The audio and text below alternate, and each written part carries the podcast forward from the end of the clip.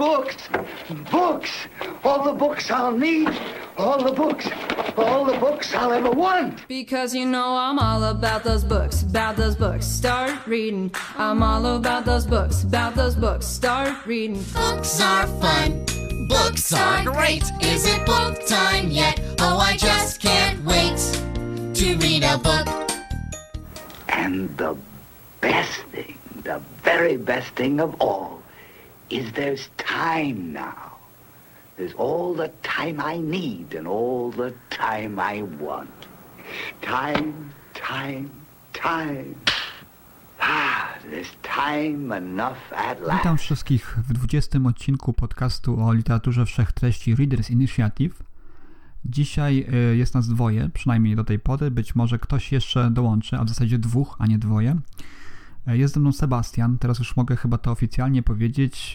y, Sebastian z podcastu Bookbusters, czyli 50% składu dzisiaj z nami jest. Cześć. Bardzo miło mi Yy, znowu tutaj być. Udało nam się, udało nam się po, po takiej troszeczkę dłuższej przerwie, chociaż w przypadku Readers Initiative dłuższa przerwa to jest norma. E, Nagrywam zazwyczaj dłuższe odcinki, a, a z mniejszą częstotliwością. Y, Także będziemy dzisiaj mieli takie pół na pół, prawda? Będzie pół Readers Initiative, pół Bookbusters y, i, i myślę, że fanów obu podcastów, o ile oczywiście y, Readers Initiative ma jakichś fanów, natomiast Bookbusters ma z całą pewnością, wiemy o tym doskonale.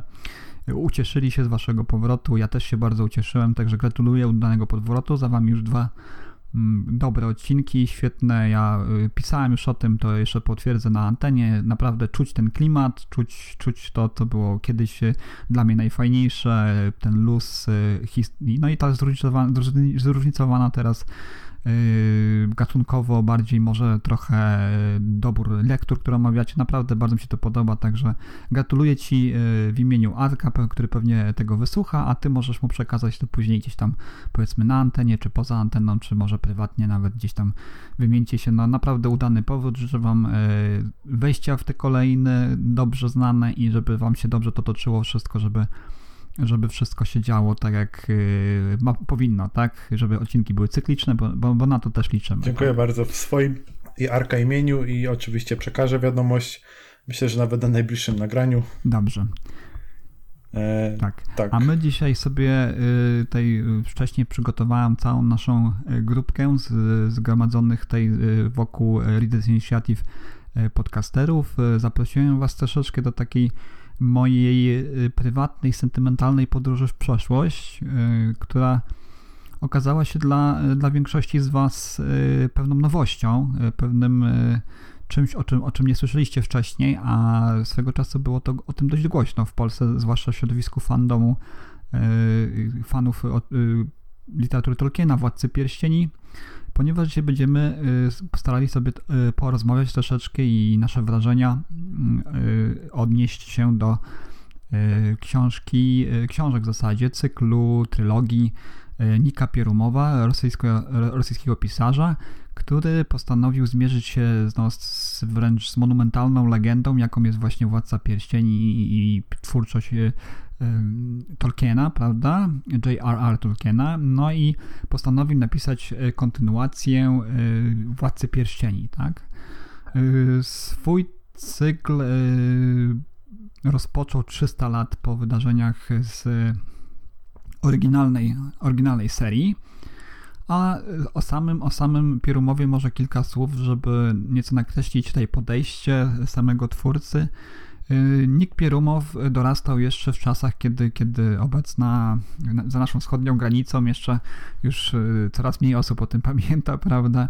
E, My jeszcze pamiętamy, był i istniał Związek Radziecki. I w Związku Radzieckim w owym okresie, kiedy Nick Pierumow dorastał, a to jest, y, wydaje mi się, mężczyzna gdzieś w wieku naszym lub ewentualnie o kilka lat starszym, no, było bardzo trudno dostać y, oryginalnego Władcę Pierścieni. Y, Nie był wydawany w języku rosyjskim, no był może nie na indeksie książek zakazanych, ale po prostu pewnych autorów, pewnych rzeczy z tego zgniłego zachodu, y, prawda, imperialistycznego y, w Związku Radzieckim y, wówczas się y, nie wydawało i właśnie na, na liście tych książek, których, których trudno było osiągnąć, y, pojawił się właśnie też Tolkien. Y, Nick Pierumow y, postanowił wziąć sprawy w swoje ręce, sprowadził sobie nielegalnymi kanałami, mając gdzieś tam wśród swoich znajomych, którzy udawali się za granicę, czy to marynarze, tak? U nas to w Polsce to przez marynarzy właśnie się załatwiało takie rzeczy, jeżeli ktoś jeździł, czy pływał, to, to mógł takie rzeczy przewieźć. No, może nikt Pierumow tą, tą samą drogą.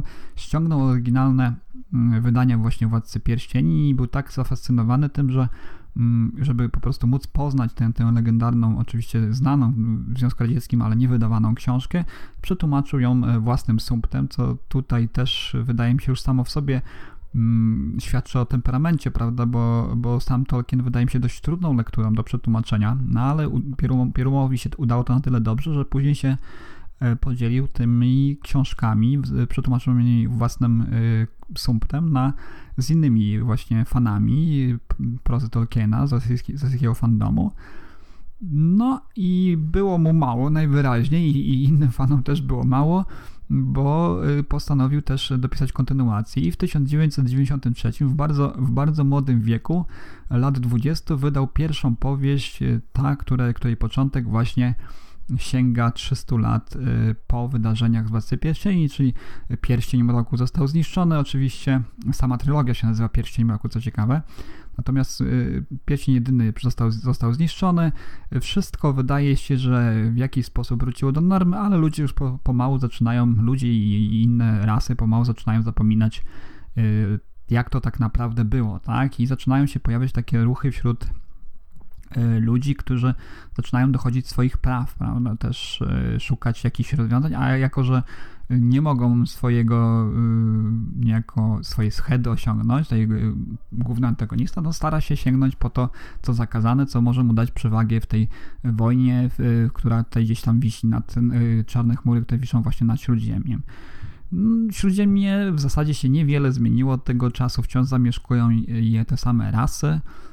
Oczywiście elfowie, większość elfów oczywiście udała się do Szarych Przystani, to tak, dokładnie tak jak widzimy to w końcówce Władcy Pierścieni, no z powodu y, tej skazy, którą zostawiła po sobie y, właśnie wojna o pierścień i jedyny pierścień, który zostawił mm, odcisnął się oczywiście na, na, na, pozostałych elfach.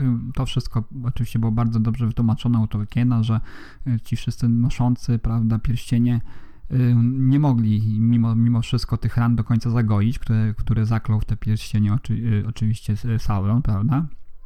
więc, y, więc musieli się udać y, opuścić Śródziemie, pozostało ich bardzo niewielu. Y, w Śródziemiu także elfów, elfów tu w zasadzie w pierwszej części nie spotkamy, o nich się słyszy, w pierwszej części pod tytułem Ostrze Elfów. Y, natomiast są krasnoludy, y, sobie całkiem nieźle poczynają y, w Śródziemiu. Są, są, są, oczywiście, są oczywiście hobbici, jakby nie, jakby nie inaczej. Są też inne rasy, co ciekawe tutaj, o tym może wspomnimy w trakcie mm, dalszej naszej rozmowy. Ale jeszcze wracając troszeczkę do, do, do samego Nika Pierumowa, Nick Pierumow napisał trzy części właśnie tej nowej trylogii, połączone ze sobą fabularnie są w zasadzie dwie. Trzecia część stanowi oddzielną y, historię już y, kontynuującą pewne wątki z dwóch pierwszych, ale też jest to oddzielna historia. Także dwie pierwsze części, czyli Ostrze Elfów i Czarna Włócznia, to jest jedna zwarta historia, tak jakby dwa tomy jednej historii, natomiast Adamant Henny, no to już jest zupełnie nowa przygoda, zupełnie nowe regiony Ardy w zasadzie się udają, już nie samego Śródziemia, ale Ardy, bohaterowie. No i niestety ten rozgrywający się 10 lat po wydarzeniach właśnie z tej, tych dwóch pierwszych części tom nie jest dobry. On okazał się już troszeczkę gorszy. Sam twórca, sam Nick Pierumow był z niego tak niezadowolony, że, że po prostu w 2018, czyli, czyli w zeszłym roku w zasadzie zabrał się za przepisywanie jej na nowo, zmienił tytuł na Niebo Walinoru, no i zobaczymy, czy może dotrze też e, ta, ten, ta, ten, ten, ta część do, dotrze do mm, do Polski. Zobaczymy. No to się dopiero okaże. Natomiast y, sama, same, same dwa pierwsze tomy no, spotkały się z dość dobrym przyjęciem, zaskakująco dobrym przyjęciem. Oczywiście też wywołały kon kontrowersje. No, główny i najbardziej kontrowersyjny problem jaki się pojawił w trakcie, y, po pojawieniu się właśnie tego, tej, tej kontynuacji, to taki, że ktoś y, poważył się y, sięgnąć tak po twórczość mi, mistrza i wykorzystać ją dla swoich celów. Oczywiście tutaj od razu możemy zaznaczyć i, i w tym, w tym nawet jeżeli nasza dalsza rozmowa będzie gdzieś tam się rozmijała, jeżeli chodzi o nasze opinie, to, to tu możemy od razu sobie powiedzieć jasno, że że no na pewno Pierumowi, Pierumowi daleko do, do stylu, do, do, do kunsztu prawda, Tolkiena. Natomiast samym, samym y, jakością samej książki, no można polemizować. Jednym się może podobać, tutaj ja się podpisuję niejako pod tym, chociaż też mam pewne zastrzeżenia, natomiast innym podobać się może mniej z różnych powodów, tak? Y, co, do samej y, tego, tego, co oferuje nam Pierumow w swojej książce, to może dopiero za chwilę podejdziemy. Ja jeszcze tylko wrócę, że do tego, dlaczego, dlaczego akurat teraz postanowiłem zachęcić tutaj moich kolegów z, z Readers Initiative i podcasterów zrzeszonych i zaprzyjaźnionych z Readers Initiative do sięgnięcia po te książki. Otóż wydawnictwo Storybox.pl postanowiło wznowić te książki w formie y, audiobooków. One wcześniej ukazały się w Polsce w bardzo dobrym dla, dla, dla, dla tych książek momencie. To był moment, kiedy w kinach mieliśmy już wrażenia opadły po dwóch wieżach, a na powrót króla musieliśmy jeszcze troszeczkę poczekać. To był 2002 rok. Wówczas to wydało je wydawnictwo Proszeński Spółka. Ja wtedy kupiłem to, byłem też bardzo krótko po yy, samych władz, Władcy Pierścieni Tolkiena. Był ten niedosyt, był ten brak czegoś właśnie ze Śródziemia, no i sięgnąłem po te książki. Wówczas, no, yy, te prawie, prawie można już powiedzieć 20 lat temu, Y, młodszy ja, no to byłem zachwycony tym i, tak naprawdę z taką radością powitałem pojawienie się y, tych tomów y, w wersji audio i sobie odsłuchałem właśnie. Myślę, że kilka słów odnośnie tego, tej jakości audiobooka też będę chciał tutaj dodać od siebie, przynajmniej pierwszego. Y, bo, te, bo ten słuchałem. Ten jest, y, zaznaczę od razu, dostępny za darmo dla abonentów y, Storytel, tak, platformy takiej streamingowej trochę, w której można, płacąc miesięczny abonament, można sobie wysłuchać pewną, z pewnej puli e, audiobooków. Mm, no nie, w ramach abonamentu, jak to się mówi, za darmo w ramach abonamentu, prawda? No i wrócili, wrócił, wrócił Pierumow, jest szansa, żeby go znowu poznać, także a y, Sebastianie, do ciebie pytanie, jakie są twoje pierwsze wrażenia? Jak ty odbierasz to, ten pomysł? Może na sam początek powiedz mi, jak, jak ty widzisz to, jakie jest twoje stanowisko w stosunku do tego, że ktoś e, postanowił z, z, wykorzystać ramę innego uniwersum, y, ugruntowanego uniwersum, y, stylistycznie też y, wspaniałych książek, tak, no tego Tolkienowi należy się tej korona wręcz i, i, słusznie króla, króla fantastyki i w ogóle ojca fantastyki, takiej, takiej jaką znamy mm, fantazy takiego, takiego epickiego.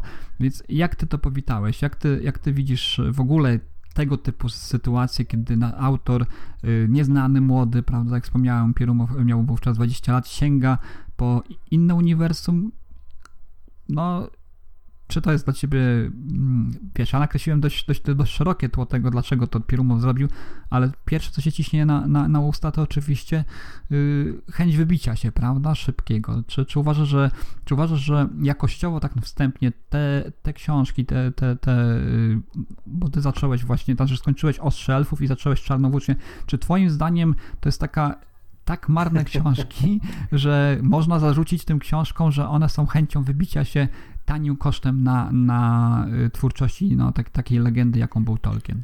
Co, e, co do twojego drugiego, jakby ostatniego pytania, e, czy on próbował się wybić na e, sławie Tolkiena, to powiem ci szczerze, że nie wiem, bo jak pierwszy raz powiedziałeś właśnie jakby na naszej grupie, że chciałbyś wrócić do tego świata, że ty go znasz, teraz się pojawiły audiobooki, no to ja byłem w ciężkim szoku, bo ja absolutnie nie miałem bladego pojęcia, że mm, takie coś jak kontynuacja Władcy Pierścieni w ogóle powstała. I jeszcze tym takim największym zaskoczeniem było, że ta kontacja wyszła w ogóle nie spod rąk e, Tolkiena, tylko całkiem innej osoby i praktycznie z drugiej strony żelaznego, żelaznej kurtyny, tak? To, e, I szczerze powiedziawszy, moje pierwsza myśl to było takie, kurcze, ciekawe. Jestem strasznie zainteresowany tym, jak, jak, jak, jaką historię można opowiedzieć w Śródziemiu, E, potem jak już magowie odeszli, tam Frodo odszedł, pierścień został zniszczony i no, nie miałem bladego pojęcia, czego w ogóle się spodziewać. I dlatego też z takim zainteresowaniem sięgnąłem po tę pozycję. I pierwsze wrażenie było raczej pozytywne i takie, e, powiedziałbym też nostalgiczne, bo pierwsze strony książki już wspominałem o Shire, e, gdzieś o jakiś bohater nowy się pojawia, tak, Hobbit Folko, e, gdzie jest tam z prostej linii Brandy Boków, tak, dobrze pamiętam? Tak, i jakieś od razu jakieś są e, nawiązania w ogóle do trylogii, do bohaterów, że oj, jak kiedyś jak Frodo był, albo o szkoda, że już tam odszedł, coś na tej zasadzie i na samym początku poczułem się jakbym tak, nie wiem, jakbym gdzieś wrócił po jakiejś długiej tułaczce do tego świata, który kiedyś zrobił na mnie tak ogromne wrażenie, te, już patrząc po samych filmach i książkach, tak swoją drogą, e, ja, ja jako pierwsze tak naprawdę poznałem filmy, bo jak próbowałem czytać książki dawno, właśnie te prawie 20 lat temu, to nie byłem w stanie przejść przez e, prolog trylogii Władcy Pierścieni. I kiedyś jak, e, jak już poznałem moją teraz żonę i mówiłem jej, że jestem takim wielkim entuzjastą i fanatykiem fantastyki, a nie przeczytałem Władcy Pierścieni, to była w takim szoku, że później przy każdej okazji urodziny, Dzień Chłopaka, święta to mi kupowała po jednej książce e, Tolkiena z jednego wydania, także skompletowałem wszystkie książki.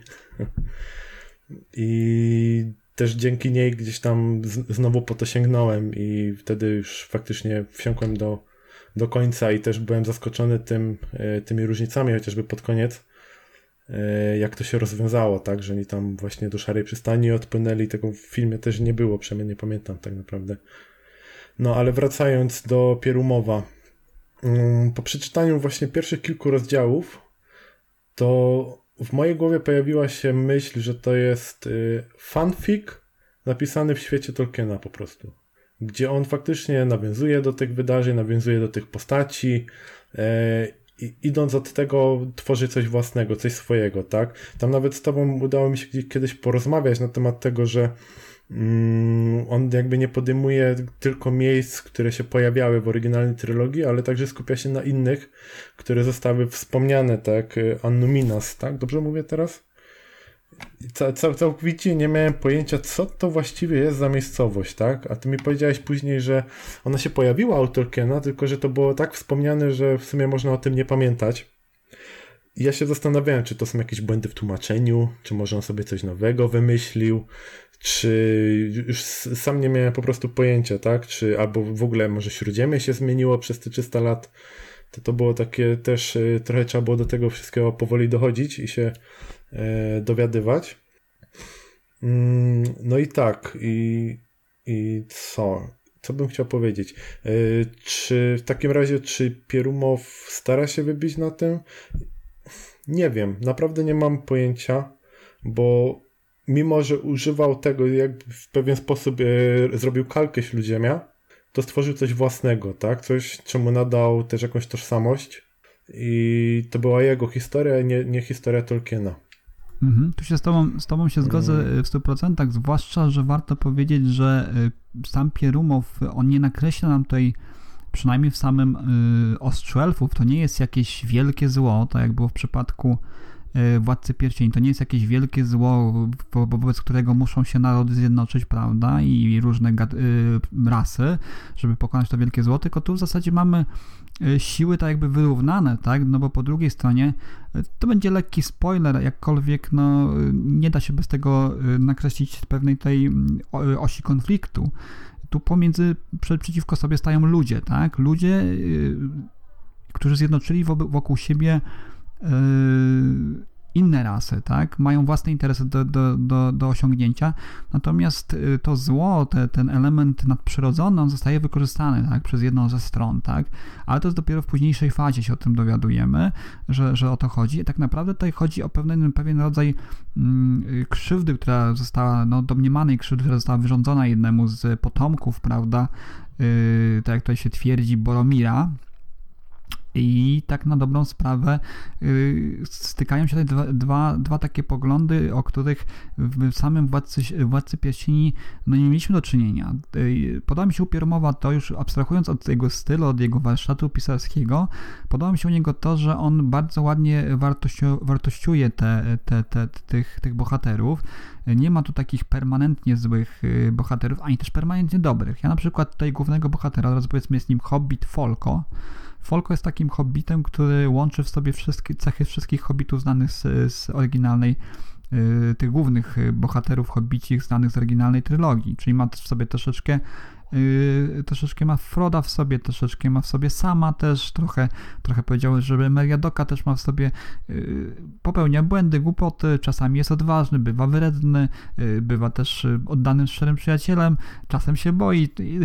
To, to wyście zarzucili tam w dyskusji naszej na czacie, którą sobie czasami prowadzimy, wyście zarzucili, że to jest taka niekoherentność bohatera, a ja tutaj widzę taki, takie połączenie cech, no, które tej autor uaktywnia, kiedy mu jest wygodnie. No, można się to zgodzić. To nie, nie jest to to być może najszczęśliwsza konstrukcja postaci, natomiast nie brakuje tutaj y, w ostrzu elfów takich postaci, które są naprawdę świetnie skonstruowane i tutaj głównym takim jest w moim odczuciu antagonista yy, yy, Olmer, tak? Olmer, Król bez Królestwa, tylko, że od razu miałem takie skojarzenie, nie wiem, czy się ze mną zgodzisz, nawiązując właśnie do tego wartościowania, tych stopniowania tych odcieni czerni, bieli, to miałem skojarzenia właśnie, jeżeli chodzi o Olmera, to miałem skojarzenia z Thanosem. Nie wiem, czy, czy się ze mną zgodzisz, ale trochę, trochę tak jest, bo on twierdzi, że on walczy, walczy w imię pewnego, pewnego dobra, pewnej wyższej racji. Oczywiście też ma swoje prywatne cele, prywatna duma gdzieś tam została jego urażona, pewnej y, swojej, swojej własnej y, dochodzi sprawiedliwości. Natomiast też, y, jakby nie patrzeć na, na to, Olmer gromadzi wokół siebie ludzi, którzy, ludzi i rasy, które Tolkien definitywnie skreślił, tak? Czyli są Angma, Ang, Ang, Angmarczycy, tak? Y, rasy, rasa, która stanęła wówczas w wojnie, w wojnie prawda, o stanęła po stronie Saurona. Są wszystkie te ludy, które y, tak jakby bardzo negatywnie Tolkien określa. No nawet tutaj, y, co ciekawe i co mnie bardzo zaskoczyło i co ja poczytuję na bardzo wielki plus w stosunku do, do Pierumowa, to, że nawet orkowie, orkom nadano, y, Urukhają zwłaszcza nadano taką y, na, naprawdę bardzo, y, powiedziałbym, wręcz dramatyczną tej cechy, cech, cechy charakteru. To jest taki ustęp, który może u niektórych takich, powiedzmy, ortodoksyjnych fanów czy bardziej wrażliwych osób budzić pewnego rodzaju uczucie obrzydzenia, ale dochodzi do tego, że, że po, po pokonaniu właśnie y, armii Saurona y, Uruk-hajowie gdzieś tam się zasiedlili i krzyżowali się z ludzkimi kobietami też, tak? I tutaj też jest taki, tak, takie właśnie pokazane jest to, że, że to też te, te rasa, ta, ta rasa stworzona właśnie miała też no, jakieś wartości, tak? No może to nie były tak wysokie, szlachetne wartości, ale oni wszyscy właśnie, te wszystkie rasy, te wszystkie stworzenia, które były no, przez Tolkiena jako permanentni słudzy zła, tak, piekła szatana i wszystkiego najgorszego określani, no tutaj jednak nadaje się im cechy ludzkie. I tak naprawdę, co już wyróżnia na samym początku, co wyróżnia właśnie mm, trylogię Pierścień Mroku od, od Władcy Pierścieni jest to, że nie ma tutaj czegoś takiego, że dobro kontra zło, tak, czyli dobrze kontra źli, dobrze kontra wielkie, permanentne, no, ogromne zło, tylko są po prostu ludzie, ludzie, którzy gdzieś tam tam e, w próbie osiągnięcia swoich interesów, e, czy też jakiejś powiedzmy sprawiedliwości, sięgają po ten zakazany owoc, po to e, minęło 300 lat, niektórzy zapomnieli to, jakie mogą wypłynąć złe rzeczy z tych podarków mroku, tak, jakie mogą być złe rzeczy dla charakterów. No i właśnie takim, z taką postacią jak Thanos kojarzy mi się tutaj Olmer, który, który którego jego lud wierzy, tak? Jego lud go kocha po prostu wręcz, y, co też jest taką analogią poniekąd do, do, do postaci z Marvela. I, I, dla mnie jest to naprawdę świetnie skonstruowany bohater. Y, I to mi się właśnie podoba. Tak powiedziałeś wcześniej, że, że mimo tego, że on sięga po dobrze znane uniwersum, y, on udaje się w te rejony, gdzie, gdzie, gdzie Tolkien nie był, albo o których tylko wspomniał. No i oczywiście też bardzo ładnie tutaj pokazuje, że świat, nawet taki świat fantazy, zdawałoby się tak, ugruntowa o ugruntowanych zasadach, może mieć pewne, powiedzmy, odcienie szarości, czerni i bieli, że nie jest wszystko tak oczywiste, jakby się mogło z pozoru wydawać. Także na przykład zniszczenie jakiegoś artefaktu to jedno, a tak naprawdę ludzie, ich mentalność, ich Mm, dążenie do osiągnięcia własnych celów to co innego. To, to, to zło duże czasami jest przykryte pod falą tych mniejszych, y, tego mniejszego zła, ale zmultiplikowanego w każdym z człowieków, w, w, w każdej z istot, które tutaj są po drugiej stronie barykady. Tak. E, tak swoją drogą się jeszcze zastanawiam e, a propos tego jakby nazywania tego fanfikiem i powielania e, świata, to się zastanawiam, czy takie mm, tworzenie i pisanie takich opowiadań właśnie w istniejących już światach stworzonych przez innych autorów, to też nie jest w jakiś y, sposób hołd y, dla tych autorów, bo tak jakby też, y, nie wiem, weźmie ci ktoś, stworzy świat, E, opowie w nim jakąś historię i bardzo często też są właśnie e, jakieś takie dodatki, że o, bo kiedyś tam było coś tam, jakieś inne były wydarzenia dziwne setki lat temu, tysiące lat temu, że wszystko się zmienia, później, że coś się jeszcze tam może wydarzyć i tak dalej. I jak ludzie tak tworzą sobie te historie mm, we własnym zakresie, e, to nawet chyba jest to jakaś forma uznania dla autora, że udało mu się wykreować tak ciekawy i skomplikowany świat, że ktoś jeszcze faktycznie e, chciałby coś w nim dodać i opowiedzieć od siebie.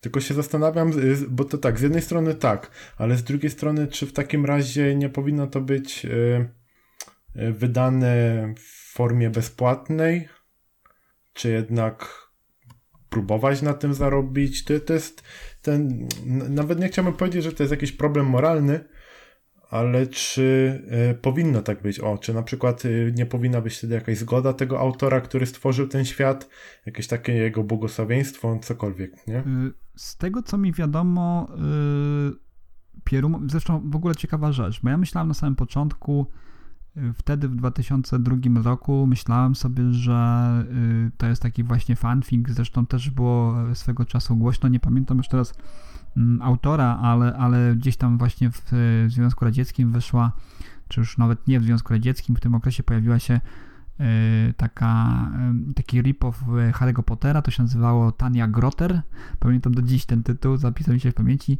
Tania Grotter i, i Magiczny Kontrabas.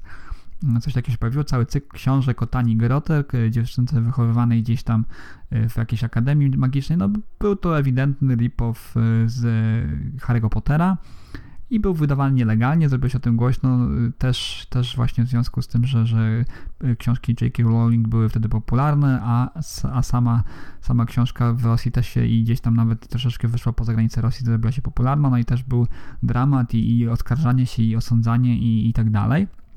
Natomiast myślałem, że właśnie Ostrze Elfów czy, czy, czy cały Pierścień Mroku są tego typu przypadkiem i w zasadzie do, do teraz, do dzisiaj, znaczy do, do momentu, kiedy ponownie Storytel wydało to w Polsce, tkwiłem w tej świadomości.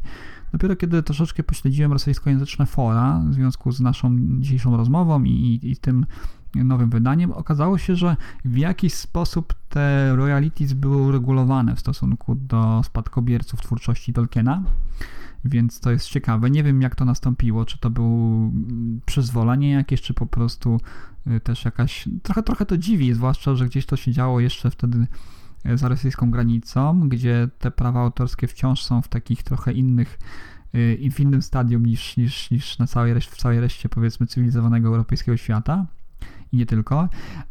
I myślałem, myślałem sobie, jak to rozwiązali. No, nie mam tutaj żadnych wiadomości konkretnych, poza tymi informacjami, które gdzieś tam znalazłem, że tak, Pierumow y, dogadał się z, z rodziną, czyli tutaj akurat nie było mowy o jakiejś powiedzmy mm, no, yy, nielegalnym wydaniu tego fanfika. No, czy to, czy to jest prawda, czy nie, no pewnie trzeba było jakieś konkretniejsze źródła znaleźć. W każdym razie tak, tkwiłem do teraz, teraz się dopiero zorientowałem, że tak nie było i to, że kolejne tomy, które wtedy w 2002 roku gdzieś tam wyczytałem, bo skończyłem Adama Henny, chciałem się dowiedzieć, czy coś jeszcze mnie czeka y, pierumowo właśnie osadzonego w tym y, uniwersum, zwłaszcza, że mimo iż Adamant Henny, trzeci, trzecia część tego cyklu okazał się dużo, dużo słabszy, tak jak wspomniałem, sam autor y, to potwierdza, to skończył się rewelacyjnie, ponieważ na samym końcu, nie wiem czy mogę mówić, ale on, on troszeczkę jest ten tom, tak jak powiedziałem, w oderwaniu od tej od całości.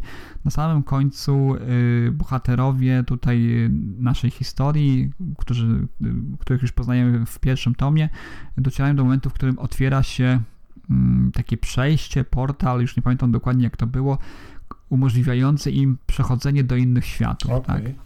I tu przed, i tu przed y, Pierumowem, który wykorzystał już powiedzmy uniwersum Tolkiena, stoi cała, cała masa różnego rodzaju rozwiązań, które mógł wykorzystać później już, tak? No i byłem zaciekawiony, czy, coś mnie jeszcze czeka z tego wszystkiego, tak? Czy, czy będę jeszcze coś Pierumowa mógł przeczytać? Poszukałem troszeczkę w internecie i okazało się, że y, Pierścienia Mroku było planowanych 7 tomów. No i myślałem sobie, że y, w, mniej więcej w tym czasie tam gdzieś ure- uregulowało się, czy to trochę wcześniej uregulowało się w Polsce również prawo autorskie. Pomyślałem sobie tak, wydali trzy tomy, ale okazało się, że być może ktoś tam wreszcie poszedł po rozum do głowy i przestał to wydawać. To wydawało popularne wydawnictwo, Pruszyński i spółka, więc musieli się dobrze orientować w tym wszystkim. I pomyślałem sobie, że zaprzestali wydawania dalszych tomów, bo właśnie ze względu na prawo autorskie okazało się, że nie, że, że, że, że, że mogli to wydawać, jeżeli by powstało. Bo sam Pierumow zarzucił po trzecim tomie pisania, wydał Niebo Walinoru, co, co ciekawe gdzieś tam, y, czy pisał, czy, czy próbował, no ale, ale, ale, ale nie udało mu się to. No i teraz w 2018 powrócił. Kto wie, może czeka nas coś więcej. Mm, Niewykluczone, zobaczymy. Ale tak jak wspomniałem, no te, te, te y, zobowiązania zostały uregulowane i też y, tutaj akurat też raczej nie ma, nie ma za wiele do zarzucenia y, sa, sa, samemu Pierumowowi. Wspomnieliśmy troszeczkę o tym, co y, Pierumo dodaje od siebie, a nawet nie tyle dodaje, od siebie, co, co wykorzystuje z, z wzmianek, z przypisów do Władcy Pierścieni i przetwarza to na to, na to, na tą taką bardziej, bardziej takie, mm, powiedziałbym, y, wyraziste tło, tak? Tu jest miasto Anuminas, Anuminas wspomniane. Miasto Anuminas jest y, areną, no można powiedzieć, około 30% wydarzeń tej, tej pierwszej książki. Y, Jest to obecna, ob, obecna siedziba namiestnika, prawda, y, tej, tej części Śródziemia, więc dużo, dużo dodaje, ale też nie, warto też powiedzieć, że Pierumow dodaje też od siebie sporo. On dodaje nowe rasy, pojawiają się takie karzełki, karzełki, które są taką, no nie wiem, y, tutaj znowu kolejna analogia przychodzi mi do głowy jak z Gretki z tego, z tego, z, Z Harry'ego Pottera. y, z Mhm. Harry'ego Pottera. Tak, takie, takie małe, złośliwe, prawda, też tam szpiegujące gdzieś głównych bohaterów. Pojawiają się też y, i inne upiory, tak? Y, No, w, w Władcy Pierścieni mieliśmy upiory mroku, tutaj pojawiają się i inne, inne duchy. Pojawia się też cała masa artefaktów, co mimo tego, że y, Władca Pierścieni był taką książką, w której o tych artefaktach dużo się mówi, to samo ich wykorzystywanie w praktyce było bardzo rzadkie, To prawda? prawda. Tutaj natomiast tych artefaktów jest dużo, dużo więcej. Już sama, sam y, tytuł ostrz, y, o- Ostrze Elfów, prawda? Y, no Mitril tutaj się zdaje być y, dość popularnym i, wszechobecnym towarem, zwłaszcza w tym, na pewnym etapie książki. I jest cała masa innych właśnie, y, nie tylko pierścieni, ale też klejnotów. To też tak wyróżnia tę powieść, odróżnia może od oryginalnego Władcy Pierścieni, a niejako zbliża dużo bardziej w kierunku takiego popularnego fantazy, gdzie, gdzie te artefakty są też na, porząd- na porządku dziennym. I trzecia jeszcze y, rzecz, którą tutaj ja y, jako takie pewne nowum y, postrzegam, to jest też wykorzystanie starych postaci, czyli dobrze nam znanych postaci z y, z Władcy Pierścieni w nowej, w nowej formie. I tutaj takim ogromnym plusem dla mnie, ogromne brawa, znaczy nie dla mnie, ale dla Pierumowa, ogromne brawa z mojej strony, za to, w jaki sposób pokazał tutaj postać Radagasta Burego. Bo y, pewnie wszyscy, którzy oglądali Hobbita y, i trylogię Hobbita w zasadzie Petera Jacksona, wiedzą, y, jakiego poczciwego, głupawego wręcz dziadka z niego zrobił Jackson w swojej wersji. Tu mamy Radagasta Burego, no, godnego przedstawiciela, prawda, czarodziejów, prawda, i, i tutaj też pełnią taką troszeczkę funkcję y, mentorską w stosunku do bohaterów, oczywiście nie taką dogłębnie mentorską, jaką pełnił w oryginalnej władcy, w oryginalnym Władcy Pierścieni Gandalf, natomiast no, jest tu jakieś y, jakieś takie powiedzmy na pewno cechy wspólne, tak? Jest też to, to co odróżnia go, go od Gandalfa, że jest, no, wydaje mi się, jeszcze bardziej niepokornym czarodziejem, tak? To już też wskazywało na to, co, co sam Tolkien o, o nim wspominał, natomiast tutaj wydaje się on takim bardziej czarodziejem stojącym w opozycji y, do tego, co, co nakazują mnie jako reguły y, tego, tej, tej, no nie wiem, czy to, y, to nie byli czarodzieje, tak, ta rasa się nazywała inaczej, Sindarowie bodajże. Jakoś tak było. Wydaje mi się, mhm. Tak, wydaje mi się, że, że ktoś lepszy specjalista od Tolkiena musiałby się tu pojawić, żeby nam pomóc z tym, natomiast tak, wydaje mi się, że to byli Sindarowie. Pewnie, pewnie oberwie nam się gdzieś tam, ale, ale trudno. No i jeszcze też pojawia się Saruman, co ciekawe, więc Saruman znowu jest tutaj fikuśnie wprowadzony e, powiedziałbym, ale też, też się pojawia, także pojawiają się też postaci z, z, z, z oryginalnej części, ale oczywiście to jest taka szczypta do smaku, prawda? To tak, też, taka też, przyprawa. Też można to poczytać za, za plus e, właśnie Pierumowowi, że, że on nie poszedł jednak na łatwiznę, nie wykorzystał tej, tych postaci, czy też tych samych artefaktów. Czy to dobrze, czy źle, że wprowadził te nowe, jakie one są, no to może trochę teraz o nich powiemy, chyba że chcesz się jeszcze odnieść w jakimś stopniu do tego, co powiedziałem wcześniej. No, wydaje mi się, że po prostu wyjdzie y, w praniu, tak jak będziemy mówić dalej. No więc może teraz trochę o postaciach. No, głównym bohaterem jest Folko, cała przygoda zaczyna się bardzo podobnie, tak? Y, Hobbit, y, za ścianku żyjący, wyrusza na przygodę za namową krasnoluda. Oczywiście doprowadza do tego ciąg pewnych perypetii, których tutaj nie będziemy streszczać. To po prostu źle było, niewygodnie, jak, mając w sobie krew oczywiście słynnych podróżników obieży światów, Folko mm, nie może zatrzymać miejsca w Hobbit w Hobbitonie. Co, co ciekawe, tutaj w tłumaczeniu pana Eugeniusza Dębskiego jest to Hobbitania. Na takich, na takich yy, zmian językowych ludzi przyzwyczajonych właśnie do oryginalnego nazewnictwa, tego popularnego nazewnictwa, nie, nie, nie, nie Marcela Łozińskiego, tylko Marii Skibniewskiej, natraficie tutaj sporo. Eugeniusz Dębski proponuje masę swoich yy, nazw na, na, na pewne rejony Śródziemia. Yy, to też jest ciekawe, bo, bo też można to troszeczkę skłonić na, e, rzucić na bark tego, że to się dzieje 300 lat później, prawda? No. Więc nazwy rejonów świata mogły, mogły ulec zmianie w jakimś stopniu. Jakby się prawda? uprzeć, to można by to tak sobie tłumaczyć, ale to, to, to, to, to zawsze jest problem tłumaczenia, że raz jeden tłumacz powie tak, drugi powie inaczej. Takim chyba najaktualniejszym przykładem też są Gwiezdne Wojny, gdzie tłumaczenia pozostawiają wiele do życzenia niektórych nazw własnych.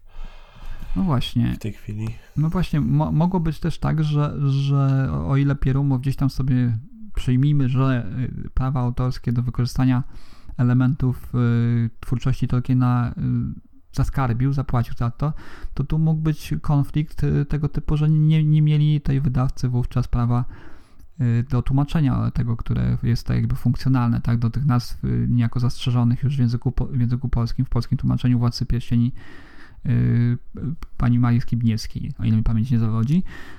Y, więc Hobbitania, no i, i, masa, masa takich różnych, teraz, teraz mi nie przychodzi za bardzo nic do głowy, ale, ale jest, jest tego całkiem sporo. Hmm. Pozwolę sobie jeszcze wtrącić, skoro jesteśmy przy tych nazwach, ja, ja czytałem audiobooka, właśnie, ze, znaczy słuchałem audiobooka ze, story, ze Storytel, tak, tak jak wspomniałem wcześniej, mm, i jest tu pewien problem, bo pan Krzysztof Plewako-Szczerbiński, który czyta to całkiem dobrze, swoją drogą, ma problem z wymową y, nazw angielskich, tak? On y, bardzo, bardzo spalszcza te nazwy, nawet czytając te, te, te nazwy anglojęzyczne, czyli mamy Shire na przykład, on czyta, tak? Zamiast Shire, tak? To powinno się wymawiać. I cała masa innych rzeczy, które tutaj teraz też mi nie przychodzą do głowy, ale jest tego no, całkiem sporo i te wszystkie nazwy są bardzo spalszczane.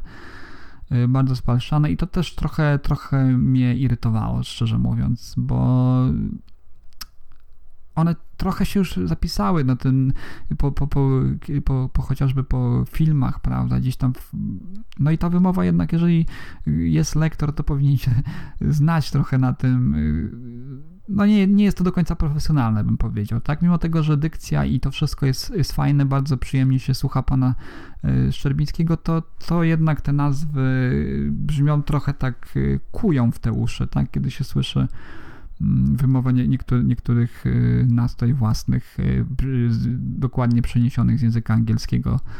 Mm, no niestety.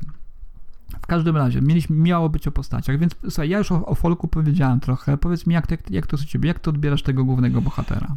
Wiesz co, no na początku to był właśnie taki troszeczkę e, bojaźliwy e, hobbit, który próbował swoją odwagę też sobie tłumaczyć tym, że przecież on jest z linii Brandy Bucków, to on powinien być odważniejszy i to go też czasami popycha do przodu jego działania.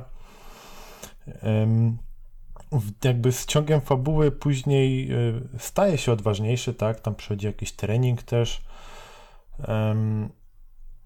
I są. Ja te, też nie wiem, czy teraz konkretnie o tym mówić, ale te, tam ten jeden podarek, co dostał, tak? Mm, się zastanawiam, czy ten podarek, bo tak by jeszcze nie dokończyłem drugiego tomu, mm, ale się zastanawiam, czy ten podarek nie wpływa też na to, y, tę jego odwagę i też te jego czyny, które czasami jakby podejmuje, które są opisywane, mm. że e, zrobił to automatycznie bez większego namysłu. Coś, co na początku mnie strasznie kuło, bo mówię, tak, znaczy tak sobie myślałem w głowie, że e, tutaj niby tak troszeczkę taki bojaźliwy, niepewny, ale nagle stwierdza, że może zrobić coś e, bardzo odważnego albo ewentualnie bardzo głupiego i jakoś to się skończy. I to, to mnie strasznie kuło, ale właśnie później się zacząłem zastanawiać, czy właśnie no może to tam nie jest jakiś przedmiot magiczny, i tak sobie to tłumaczę, przy czym tak mówię, dalej nie mam potwierdzenia, więc e, też to nie będzie żaden spoiler chyba. E, ale tak, że to jakby to, jego jakby podświadomość, tak, to, to dla mnie jest takie troszeczkę kujące było na początku, ale jak, mm, zaczynam to w jakiś sposób kupować, o ile to pójdzie w tym kierunku, co ja się jakby się tego spodziewam mhm. w jakimś tam mniejszym, większym stopniu. I najbardziej no, chyba nie rozumiem. Chyba dobrze się domyślasz. Okej, okay, okej, okay, no to to chyba. Mhm. No, właśnie jakby na to wysz. E, a propos też tego podarku, to nie. Znaczy też nie potrafię zrozumieć, ale też pewnie potrafię to sobie jakoś wytłumaczyć. Jak doszło do momentu, w którym e, była propozycja, żeby może się tego pozbyć, to a nie, wiesz co, może nie. I, i to też było dla mnie takie. Hmm, inteligentny człowiek chyba by jednak się tego pozbył, nie? Wiedząc, e, jakby już będąc w tym miejscu, w którym on był i wiedząc te rzeczy, które wiedział, no to gdzieś podświadomość i rozum podpowiada, no nie, nie ufajmy temu do końca, może tak y, zróbmy trochę na przekór. No ale dobra, jak y, faktycznie y, gdzieś ten artefakt wpływa na niego, no to oczywiście jestem w stanie uwierzyć w to, że to jakaś tam siła perswazji artefaktu, jak mu tam, nie wiem, powiedzmy coś szepcze, podpowiada, zmienia jego osobowość, to okej, okay. to jak najbardziej jestem w stanie to kupić, przyjąć i jestem jakby zainteresowany rozwiązaniem tego. Polkowi towarzyszy Torin, tak? On jest niejako sprawcą tego całego zamieszania. To jest taka y, na pewnym etapie jedyna postać, która widzi, że coś się święci w Śródziemiu, tak? Oni wspólnie chcą udać się do Anuminas, do namiestnika, żeby pomóc, żeby y, tak. ostrzec go przed tym, co się, na co się zanosi, tak? I Torin, y, myślę, że tutaj nie, nie ma się za bardzo co, co, nad, czym, nad czym zastanawiać mhm. i rozwodzić. To jest y, archetypowy wręcz krasnolud, który, których mamy pełno, tak, w literaturze fantazy. Tutaj on, on, moim zdaniem, on nie wychodzi y, za bardzo poza to wszystko, co wiemy o tej rasie, mhm. o krasnoludach ogólnie, tak. To jest taki naprawdę typowy y, to, to, to zresztą wy zarzuciliście w całej książce, że ona jest bardzo taka y, bliska temu, jakby była wręcz oparta na jakimś systemie RPG, tak? I ta postać jest właśnie tak skonstruowana. Według klasycznych według klasycznych norm, norm, norm y, budowy postaci tak. Nawet tak? y, taką anegdotkę w sumie mogę ci przytoczyć, bo wraz z kolegami z pracy co jakiś czas się spotykamy i gramy w Dungeons and Dragons i jeden z kolegów właśnie gra postacią krasnoluda, takiego o bardzo ciężkim temperamencie i tak mi się też przypomniało w momencie, w którym pomyślałem o Tyrinie, mi się przypomniała jedna z ostatnich sesji, co mieliśmy, e, gdzie on jako krasnolud miał sytuację, mm, gdzie naprzeciw niego wyszło dwóch podejrzanych typków. E, on ich tam wyminął, e, dostał strzałą w bark i się tym w ogóle nie przejął. Powiedział: OK, idziemy dalej a potem y, jakby ze strony z tych y, podejrzanych y, typków przyszło coś takiego, tak, uciekaj Karle. I on wtedy tak mówi, ty, oni chcą naprawdę ze mną walczyć. Jak daleko są? 25 stóp? Okej, okay, sięgnę ich, jedziemy. Więc dosłownie taki temperament dla mnie ma Torin, mhm. tak? Taki jest mocno wybuchowy, czasami jest bardzo e, agresywny i szuka swady, czasami nawet na siłę. Ale mamy też tutaj e, taki agresor. drużynie nietypowego krasnoluda, to jest mój faworyt, że tak powiem, mhm. czyli malec, tak? tak? Krasnolud malec, opój, w zasadzie też nosi w sobie te wszystkie cechy które mają w sobie y, krasnoludowie, ale jest jego jedną taką cechą, która go wyróżnia, jest to, że jest nawet mały jak, jak na, na krasnoluda.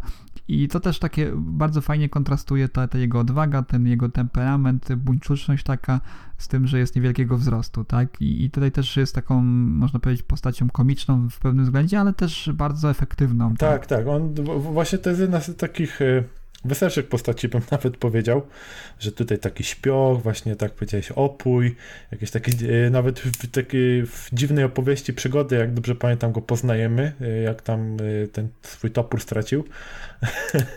Więc no, to tak faktycznie taka, to, taki wątek wesołości może w całej tej historii. I też te, on akurat też jest chyba w pewnym stopniu przeciwieństwem Torina, może troszeczkę bardziej bojaźliwy, mm. czasami niepewny i też nie ma takiego. Mm, nie, nie potrafi przeforsować swojej mm. opinii. Z drugiej strony, tak jak wspomniałem wcześniej, mamy Sandello. I mamy też Olmera, oczywiście. Olmer, y, główny antagonista co ciekawe, myślę, że trochę, trochę psuje już w tym momencie, jakkolwiek y, psuje najnudniejszą część książki, ponieważ y, tak naprawdę dowiadujemy się o tym, y, że, że Olmer jest taką postacią, która, która, która jest zagrożeniem dla całego Śródziemia, staje się z powodu swoich ambicji bardzo późno mhm. I, i to jest też taki mój trochę zarzut do tej książki, że ona w momencie, kiedy bohaterowie docierają do Anuminas, zatrzymuje się, tak? Na zbyt długi okres zatrzymuje się, oni tam nic innego nie robią, to jest taki mm, zwykły, powiedziałbym, czas, który spędzają gdzieś tam na może wertowaniu czasami książek, dowiadywaniu się pewnych rzeczy mniej lub bardziej istotnych, ale to jest, no, tak jak powiedziałem, 30% tej książki gdzieś tam się dzieje w Anuminas, oni toczą sobie swój żywot, zarabiają, każdy zajmuje się swoimi sprawami, no i dopiero ta, ta książka rusza na dobre y, w końcówce, która jest w zasadzie taką preludium do, do już Ostrza Włóczni. Y, powiedz mi, y, pod względem stylu samego Nika Pierumowa, czy on Ci się podoba? Bo tak jak wspomnieliśmy, to jest kontynuacja wątków z Władcy Pierścieni. Powiedzieliśmy to otwarcie i to nie jest żadne, żadne wielkie odkrycie, że stylem i sposobem prowadzenia narracji i całością w ogóle tego, tego warsztatu pisarskiego, no Bierumow stoi bardzo daleko za, za Tolkienem, ale z drugiej strony jest ta książka nacechowana taką bardzo słowiańszczyzną, tak? taką powiedziałbym y, nie tylko w tej warstwie pojawiania się nowych stworzeń, których ja tutaj też odnajduję pewne echa takich bardziej y, mitów właśnie nie z, z, kręgu kultury anglosaskiej, ale właśnie z naszej słowiańszczyzny bliżej, tak, gdzieś tam powiedzmy z baśni i podań y, nawet gdzieś tam z Rosji, czy, czy nawet, nawet takich, które my tu znamy w Polsce. No ale też to się objawia w warstwie dialogowej, tak? Te postaci mówią w taki sposób, że ty czujesz wręcz, że tym językiem podobnym posługiwałyby się postaci napisane w Polsce też chociażby, tak? Takim mocno słowiańskim, takim mocno nawet bym powiedział rosyjskim yy, sposobem wysławiania się tutaj są wszystkie postaci nacechowane. Czy to, to by nie przeszkadzało na przykład? Czy, czy, czy ty szybko przestawiłeś się do tego stylu? Przy, przyzwyczaiłeś się? Właśnie to jest problem, który mnie męczy do, do teraz, czyli do momentu, w którym jestem w tej książce i też to byłby jeden z powodów, dla których e, tymczasowo zawiesiłem, żeby po prostu poszukać czegoś innego i gdzieś e, swoje myśli i swój e, cały jakby czy, czy, czytanie, żeby je po prostu odgonić gdzie indziej, bo odnosiłem wrażenie, że coraz dłużej i dłużej mi schodzi. I jedyne do czego mogę to porównać w tej chwili, to pamiętam jak y, ciężką dla mnie lekturą był Silmarillion. I to naprawdę, to była książka, która potrzebowała 100% koncentracji z mojej strony żeby być w stanie przeczytać tę historię i ją zrozumieć i zapamiętać, a też bardzo często miałem takie sytuacje, że musiałem się cofać kilka, kilkanaście stron do tyłu jeszcze raz je przeczytać, bo absolutnie nic nie pamiętałem z tego. I dokładnie to samo powtarza się tutaj. Naprawdę, mam wrażenie, jakbym czytał, jak, jak, jakby Silmarillion się nie skończył i to była nawet kontynuacja tej Silmarillionu i tego zbioru opowiadań, bo yy, naprawdę łatwo łapałem się na tym, że moje myśli całkowicie uciekały od fabuły tej książki i ja byłem yy, już kilkanaście stron dalej i mówię, kurczę, o czym ja właściwie czytam? I jedyne, co jakby w mojej głowie pozostawało, to były, jak, były te takie ciekawsze wydarzenia. E, tak właśnie sam początek wiadomo, tak, to dla mnie już było samo w sobie ciekawe, później była tam wiem, ta podróż do Karczmy, jakaś sytuacja w Karczmie, później była droga do Anuminas, że coś się tam wydarzyło e, w samym Anuminas też, y, to, to tak powiedziałeś, to trwa chyba przez 30% książki, ale tam pamiętam e, to y, tak, sytuację w Karczmie znowu, jak tam się spotkali z, Maluch, z Malcem, Później tam jakby te, historia Folka, co się trochę pociągnęła dalej, że jak wy, wychodziła historia Malca, spotkanie z namiestnikiem. I to 30% książki, a mam wrażenie, jakby to były, nie wiem, 3%, 4, 5 max. I to są takie ogólniki, tak? I później znowu, bo te takie odniosłem wrażenie, że oni zwiedzili czy czwarte śródziemie w przeciągu tego jednego tomu. No na, na pewno na pewno I miejsca, dosłownie... których, których nie widzieliśmy, tak? To, to na pewno. Tak, tak. I i mam wrażenie, że po prostu pamiętam tylko te punkty kulminacyjne. Trochę tak książki. jest, wiesz, powiem ci, ona, ona, ona ma, nie wiem, nie pamiętam dokładnie, musiałbym y, sięgnąć po czarną włócznię, bo, bo y, ponownie skończyłem Ostrze Elfów, y, czarnej włóczni jeszcze nie zacząłem po raz, po raz drugi ale na pewno Ostrze mhm. Elfów ma takie, no bardzo nierówne tempo. Wspomniałem już o tym pobycie w Anuminas, jest zbyt długie. Mm, są faktycznie, są momenty, które, w których się Pierumo wspina na naprawdę wyżyny konstrukcji może nie tyle stylistycznej, czy też y, stylu, ogólnego swojego stylu, ale budowania napięcia, tak? Ja, ja mam kilka takich momentów swoich też ulubionych i faktycznie zgodzę się z tym troszeczkę, co ty mówisz, że, że z tej książki się przede wszystkim pamięta te, te momenty, tak?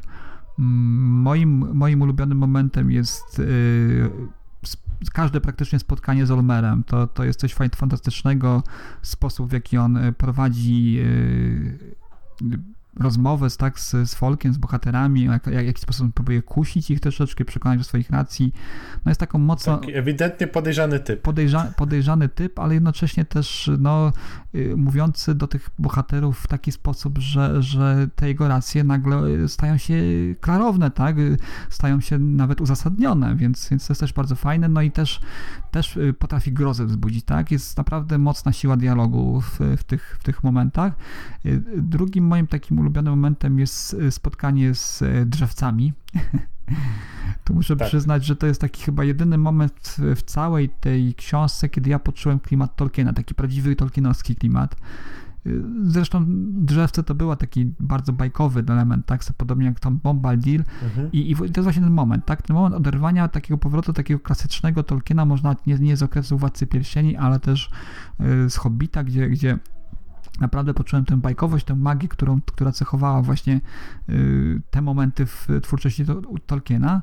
No i trzecią y, moją tutaj ulubioną jest y, scena bitwy. Tu muszę przyznać, że akurat Pieromowi nie brakuje talentu, a nie brakowało wtedy talentu przynajmniej, kiedy tworzy dynamiczne sceny. Tak? Scena bitwy naprawdę jest naprawdę obrazowo przemawiająca do wyobraźni Y, opisana. Ja naprawdę widziałem te armie ścierające się ze sobą, y, te, te, te pojedynki, prawda? No naprawdę wyszło mu to naprawdę świetnie. Mm, wiesz co, jakby ty teraz mówisz o walce i moje, i, i moje myśli trochę uciekły tak naprawdę w stronę gry o tron.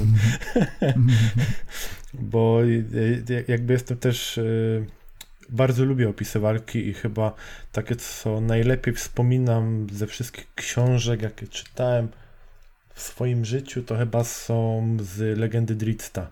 Wszystkie potyczki z Artemisem Entrerim.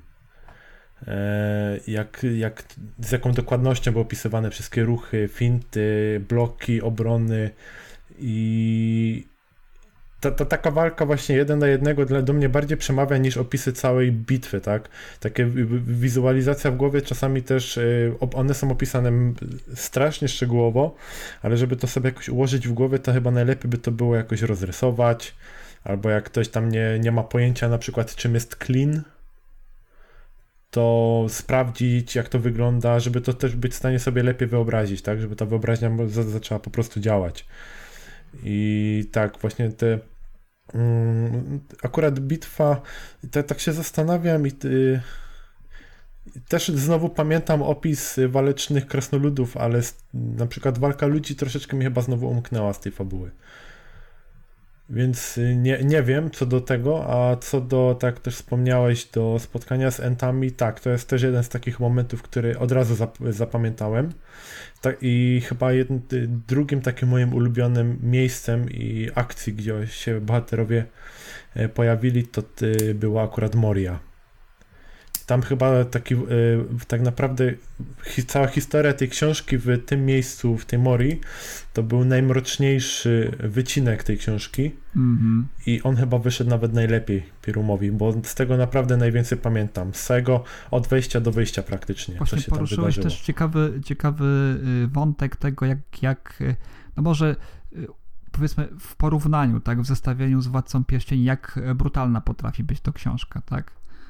Y, tutaj, tutaj, tutaj się dzieje, no, tutaj tak, naprawdę jest krwawo, brutalnie, ponuro wręcz, można powiedzieć. Oczywiście w Władcy Pierścieni też były momenty ponura, ale tutaj jest ponuro yy, z powodu tego, że jest ukazana yy, ten, ten, ten, yy, to, co się dzieje po, tak, po walce, po zabiciu, po wyrżnięciu wręcz orków, tak, kiedy jest taki jeden moment, kiedy krasnoludowie udają się chyba na jakiś zwiat, Y, czy wypatrzywszy jakieś powiedzmy tam mhm. awangardę orków, idą ich wyżnąć i wracają cali zakrwawieni, prawda, no to jest taki, no mo, może nie szczególnie brutalny, może nie szczególnie też poruszający yy, nas już doświadczonych, prawda, grą o tron, chociażby wspomniano przez ciebie y, czytelników, natomiast ktoś, kto zetknął tak. się z Władcą Pierścieni i, i długo, długo nic później nie czytał i sięgnął po to y, oczekując kontynuacji takiej bardziej z, z, związanej z, tym, z tymi właśnie też aspektami, prawda, że tej, tej pewnej takiej otoczki, że jednak kiedy toczy się bitwa, to ona jest gdzieś tam powiedzmy w, tej, w,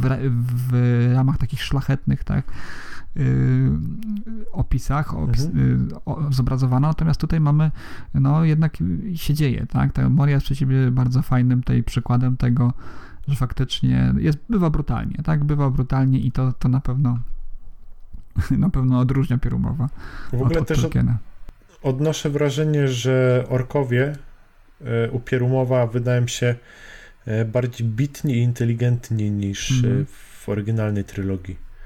Tak jakby te 300 lat dodało im takiego takie, takie, nie wiem, większej agresji, umiejętności. Nie wiem, jak mm. to mhm. nazwać.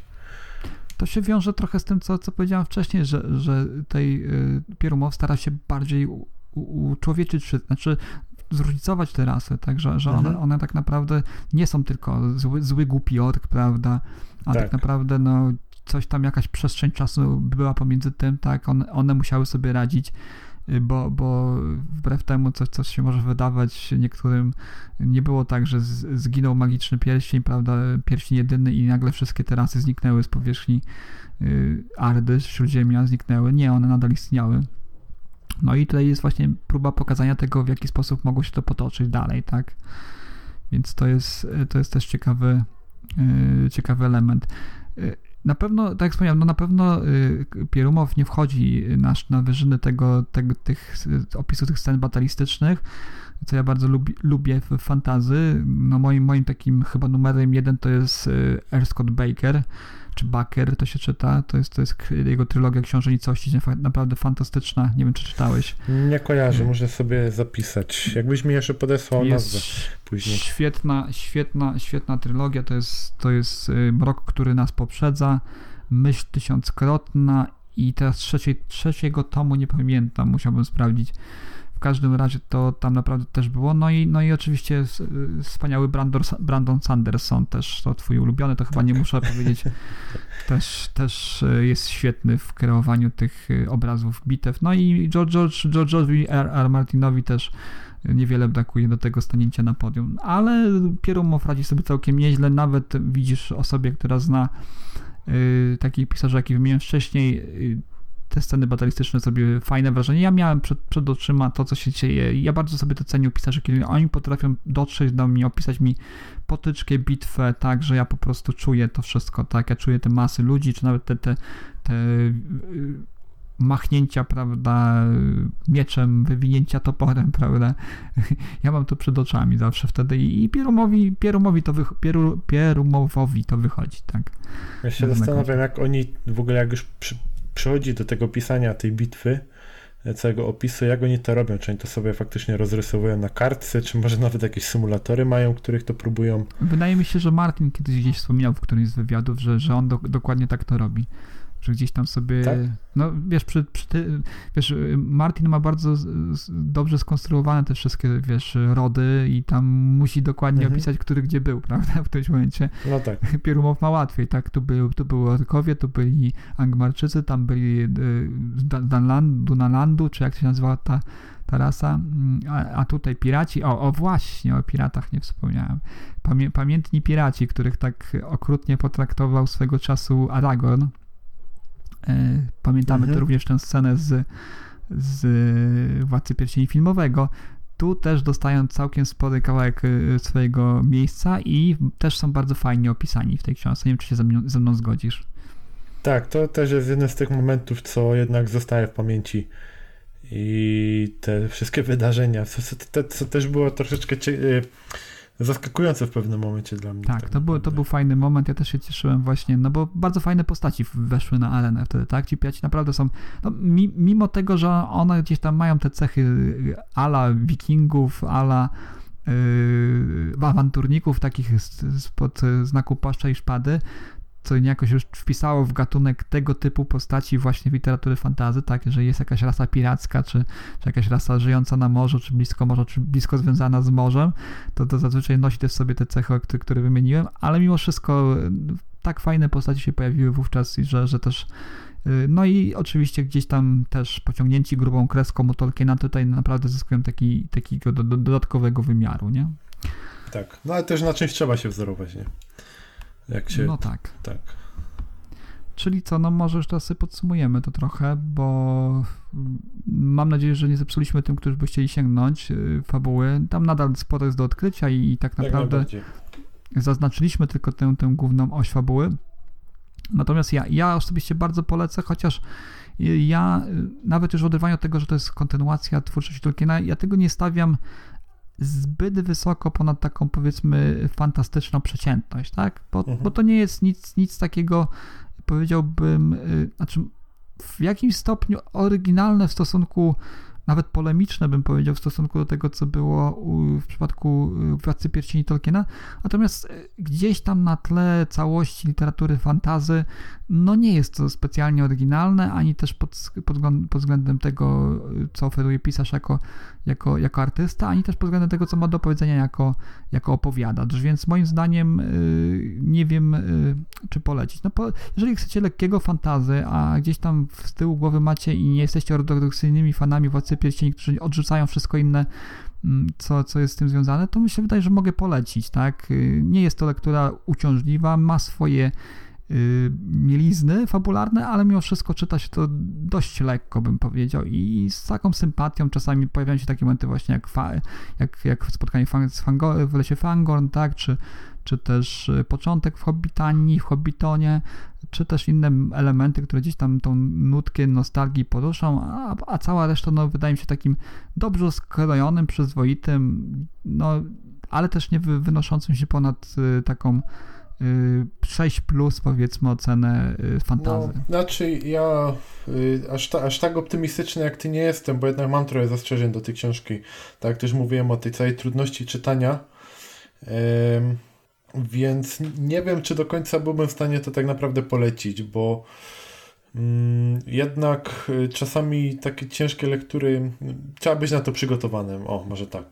Jeśli ktoś faktycznie jest przygotowany na to, że dobra, teraz będzie coś cięższego, może przeplatać to sobie z innymi lektorami, jak ja w tej chwili staram się to zrobić, to podejrzewam, że to dużo lepiej wyjdzie niż jak ktoś będzie chciał na siłę przeczytać całość Czyli generalnie nie, nie skreślamy, nie, nie, nie, nie rzucamy prawda, na stos, nie, nie podpalamy, nie, nie, nie, nie wyklinamy tej pierumowa. No, powstało, powstało, to jest. Y, mi było mile wrócić, mi było też mile mm, to, to czytać w jakimś stopniu. Na pewno będę chciał po y, y, czarną włócznie sięgnąć.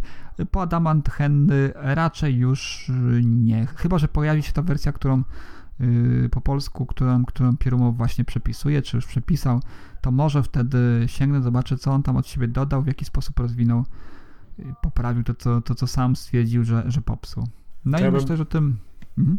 Ja bym był ciekawy właśnie porównania tego e, trzeciego tomu w starym wydaniu i w tym nowym poprawionym, o ile wiedział No, nas na, na razie, na razie ukazała się, ukazały się wszystkie trzy wszystkie trzy w audiobookach, ale sądzę, że to jest, to jest mimo wszystko jeszcze to, to, ta stara wersja, bo nie mam żadnych informacji Mhm. na temat tego, że, że została wydana ta nowa wersja, więc więc niestety nie. No to przyjdziemy do tego. Przejdziemy, może wrócimy, mo, może faktycznie. Oczywiście warto tu dodać, że Pierumow to nie tylko mm, to nie, to nie tylko y, kontynuacja Władcy Pierścieni, ale też y, ogromna liczba książek, które zostały wydane również po polsku. Stworzy też y, inne, inne swoje własne światy fantazy. Y, Oceny, oceny, na które patrzę, no to jest gdzieś tak y, w granicach tego, co, co ludzie dają właśnie y, czarny, y, pierścienio, pierścieniowi mroku, to, to jest tak 6,5 zawsze, no tak jakby od linijki w zasadzie. 6, 6,5, 6, 6, 6. I, y, Stworzył też Pierumow troszeczkę science fiction, które okazuje się, że ma oceny tyle, test, oceny, oceny podobne, no więc taki powiedzmy przeciętny wyrobnik, który płodny zresztą też z tego co widać i dużo po polsku wyszło, także jeżeli ktoś chciałby spróbować czego innego Pierumowa, może ja kiedyś też sięgnę, zobaczę sobie, po, porównam może coś z późniejszego jego dorobku. Teraz tak. w ostatnich tygodniach y, jakaś, nie wiem czy to będzie seria, ale dwa tomy wyszły. y, właśnie na to patrzę, Blackwater. Hmm. Jest, jeden tom jest Magia i Ogień, a drugi jest Magia i Stal. Tak, właśnie widzę, ta magia i ogień ma, ma najwyższą ocenę w tej chwili na, na Lubimy No Czytać. właśnie bardzo, takie prawie że 8. Prawie 8 sięga, więc co, co ciekawe, może, może spróbujemy tego i za jakiś czas wrócimy do Pierumowa z trochę, z trochę może bardziej takimi entuzjastycz, entuzjastycznymi opiniami. A na tym sobie skończymy Pierumowa dzisiaj. Przejdziemy sobie do krótkiego jeszcze segmenciku, tam gdzie omawiamy książki aktualnie czytane.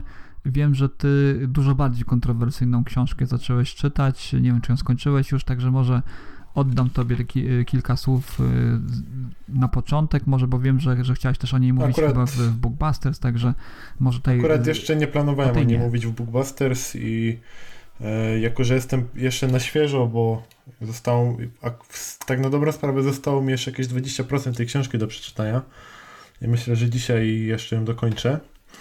E, trafiłem na nią całkowicie przypadkiem e, przez mojego kolegi z pracy, który mi powiedział, że właśnie jakby jego żona przyniosła od swojej koleżanki, on też potem sobie rzucił okiem i mówił o tym, jak tam pod, w trakcie czytania mu się dosłownie otwierał nóż w kieszeni, e, czytając o tych wydarzeniach. I to, o czym tak właściwie mówię, to jest książka e, Laili Shukri. Nie wiem, nie wiem jak to się wy, wymawia. E, byłam kochanką arabskich szejków. Taki gatunek totalnie niepodobny do mnie, a książka totalnie nie dla mnie. Kiedyś gdzieś tam widziałem w jakiejś księgarni, ale stwierdziłem, że to nie jest, to nie jest coś dla mnie, to nie jest nic takiego. Ale potem jak mi zaczął opowiadać, tak troszeczkę mnie zainteresował tym i stwierdziłem, że rzucę okiem. I tak, i przyznam szczerze, bo ty- tak, y, w ogóle bardzo ważne, y, chciałbym zaznaczyć, że jest to określone jako literatura faktu, polska literatura faktu. I jakby podszedłem do tej książki bardziej jak spodziewałem się reportażu, tak? Jakieś takie opowiadania kobiety, która faktycznie mm, przeżyła coś ciężkiego, e, ma bardzo no tak, prze, przeżycia z jej przeszłości były mm, bardzo mm, jakby dosadne, nie, niezbyt miłe, brutalne, można to nazwać. I już od pierwszych stron tak naprawdę byłem trochę zaskoczony, bo książkę się czytało bardziej jak jakąś powieść obyczajową, gdzie jakaś. po- po- Poznajemy bohaterkę, ona się nazywa Julia. E, później przez długi czas jest nazywana Julia. Tak jest takim, nie wiem, pró- próbuję to sobie wyobrazić z takim, am, z takim arabsko-angielskim akcentem, ale nie jestem pewien, jak do końca gdzieś to w tej głowie sobie po, postawić. I to jest y, jakby z pierwszej osoby pisane. Mhm. E, Historia kobiety, która została uwiedziona przez e, właśnie e, pewnego, mm, on się przedstawia jako Syryjczyk mieszkający w Dubaju aktualnie. I poznając ją gdzieś tam na dyskotece, zdobywa jej serce i proponuje jej, żeby poleciała z nim do Dubaju. Ona się zgadza, że miał być to urlop jej marzeń, a później się okazało, że to był największy koszmar, jaki przeżyła, bo mm, została przez niego sprzedana jako niewolnica i trafiła do e, dubajskiego domu uciech. I teraz tak, y, pierwsze trzy rozdziały jakby opowiadają tę całą historię do momentu, jak ona trafiła do tego domu uciech, tam jakieś takie pierwsze dni, tygodnie, co się z nią działo. I w czwartym rozdziale nagle nie wiem skąd pojawia się całkiem nowa postać. Jako, że ja w ogóle poprzedniej, bo tam wiem, że to jest chyba szósta książka już z kolei tej autorki, ja absolutnie nie miałem pojęcia, y, co się dzieje. I nagle, tak, pojawia się jakaś y, Izabela, y, która znowu pisze w pierwszej osobie i ona w tej książce pisze o tym, jak pisze książkę, która trafiła do moich rąk. I mi się gdzieś takie czerwone światełko zapaliło, bo tak mówię, kurczę, te wszystkie dialogi, które tam są opisane, jak ona tam rozmawia z innymi ludźmi, one są tak dokładne, że ja absolutnie nie wierzę, że ktoś, e, nawet pisząc po, mm, po tak swoich takich mocnych wrażeniach z życia, że aż tak dokładnie byłby w stanie opisać e, wszystkie dialogi, jakie tam między osobami szły. I co, takie, co tak najbardziej zgrzytało mi, to jak opowiada, jak opisywała w książce to, jak rozmawiała z kobietą, która e, brała od niej e, pliki, jak ona pisała książkę, bo w ogóle ta cała Izabela, e, ona mieszka z pewnym też jakimś, teraz nie pamiętam jaki on jest dokładnie, ale też gdzieś tam w Dubaju E, mieszka z y, facetem, który jest strasznie o nią zazdrosny, że ona nie może rozmawiać z innymi mężczyznami, że jak raz z nim porozmawiała, to została mocno pobita przez tego męża, ale mimo wszystko dalej z nim jest. I zawsze jak go nie ma w domu, to ona po prostu pisze książkę i opowiada te historie, e, co ona przeżywa, będąc tam, tak? I osoba, z którą zawsze rozmawia jest, y, ona się nazywa, chwila, e, muszę znaleźć imię w moich notatkach, to chyba była Lidia. Tak, nie, Linda, o, Linda. No i teraz się zastanawiam, skoro Izabela pisze o sobie w pierwszej osobie, yy, rozmawia z jakąś Lindą, a autorką książki jest Laila, no to ile tych pseudonimów już w ogóle się tutaj pojawia i kto jest tym autorem? Te, tego już nie wiem, tak? To, to, już, to już też było znowu takie czerwone światełko. Coś, coś jest nie tak, coś jest nie do końca tak. I ko kolejna rzecz jest taka, że ona też opisuje e, jakby z końca jednego rozdziału jeszcze z Julią, e, opisuje, jak, że one się spotkały, także te ostatnie słowa, które padły tam w ostatnim rozdziale e, z Julią były jednymi z słów, które jakby cały czas w jej głowie się kotłowały. I ona cały czas o tym myślała i stwierdziła, no to musimy uratować. Ja się w tym momencie zacząłem zastanawiać, co tutaj tak właściwie się dzieje, nie? Um, I zacząłem też czytać o tej książce w internecie. I tak jak ja, też dużo więcej osób tak naprawdę brało w wątpliwość to, co w tej książce zostało opisane, bo mm, jest cała masa stereotypów e, tutaj wspomnianych w tych książkach jest cała masa takich historii nawet nawiązujących do tego, co się działo na świecie, tak? Tak, tam to takie y, kilka lat temu była taka sławna afera o modelkach, które udały się do Dubaju, tak, no to pamiętasz. E, też była taka afera z kobietą, która pole, poleciała do Egiptu na wakacje, mm. wyskoczyła z okna i jakaś taka niewyjaśniona śmierć to była.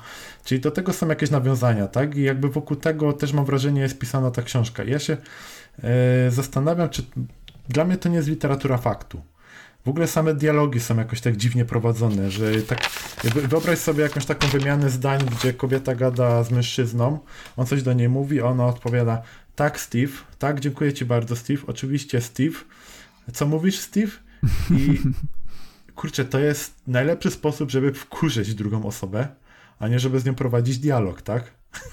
To w żaden sposób w prawdziwym życiu takie coś nie działa. To tak byśmy teraz e, rozmawiali właśnie o pierumowie i ja bym co, co drugie zdanie mówił, mhm. tak Rafał, dokładnie Rafał, bardzo dobrze Rafał.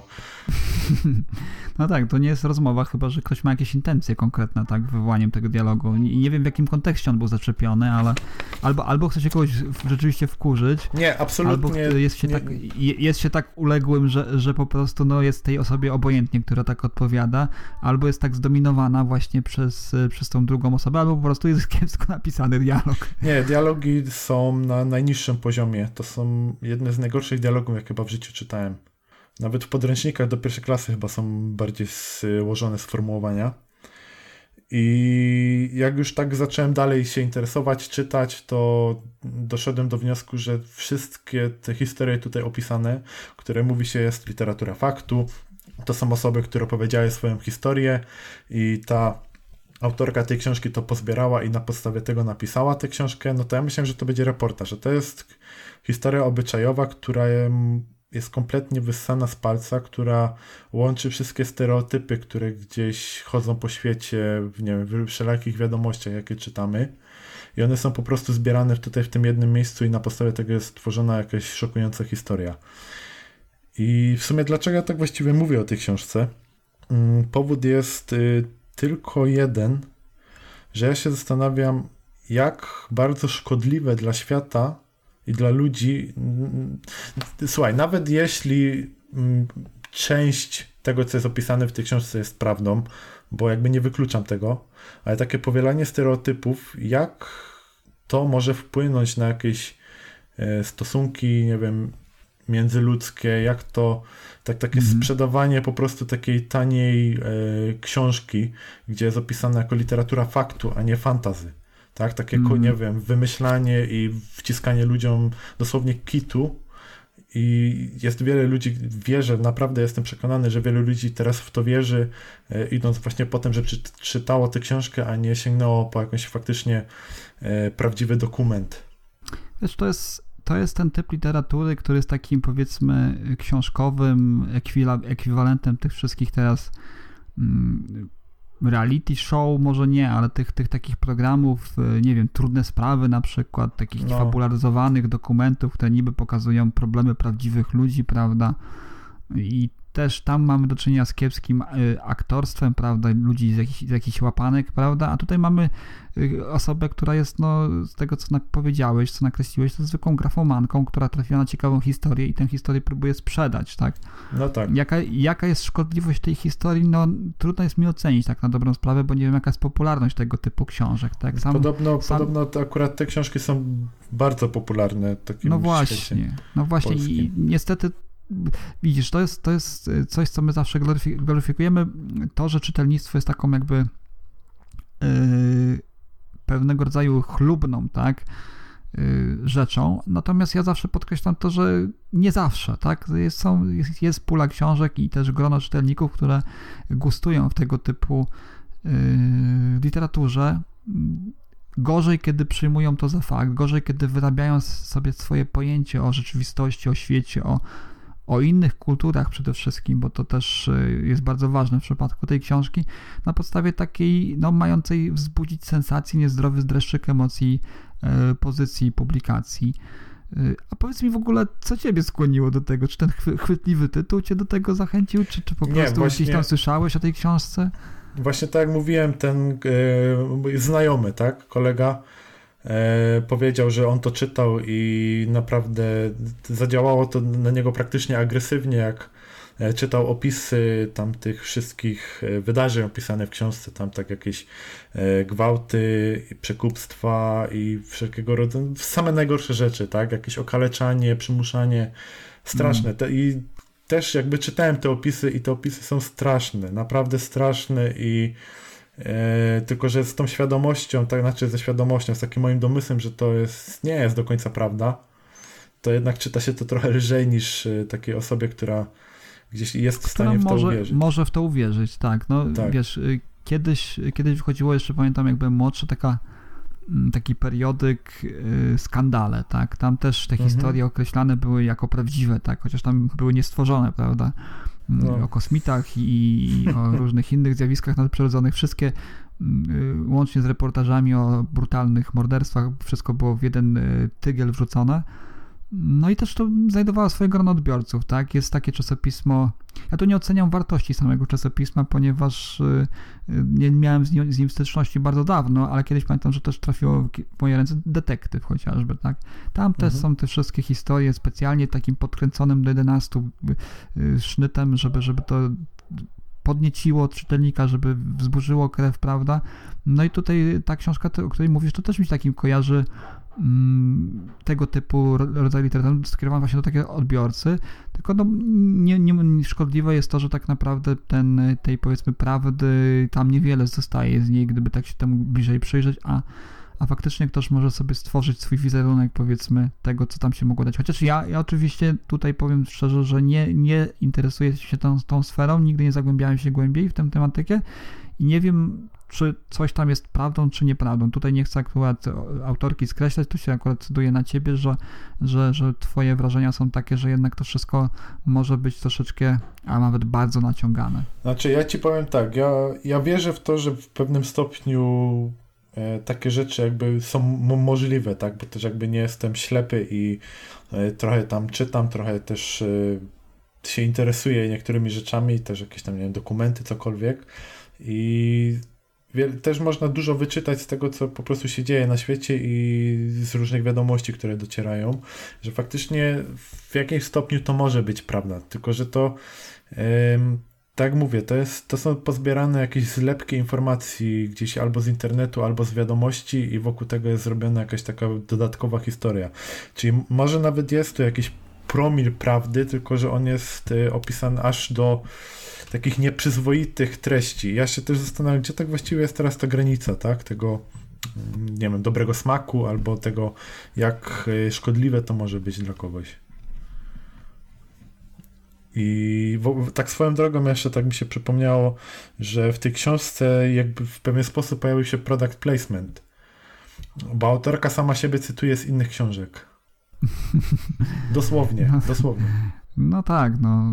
Ja miałem ten problem ostatnio z, z siłą nawyku, gdzie autor też mocno się reklamował, ale to, ale to jest zupełnie inna książka, więc tam akurat był ku temu jak najbardziej uprawniony. Ale tak, tak, tak mówisz, no. E, Nie wszystkie książki są dobre, tak? Niektóre, No, niestety. pa, para, parafrazując e, Stephena Kinga, niektóre książki tworzone są w złej intencji, tak? Są złe, Mhm. rodzą się złe.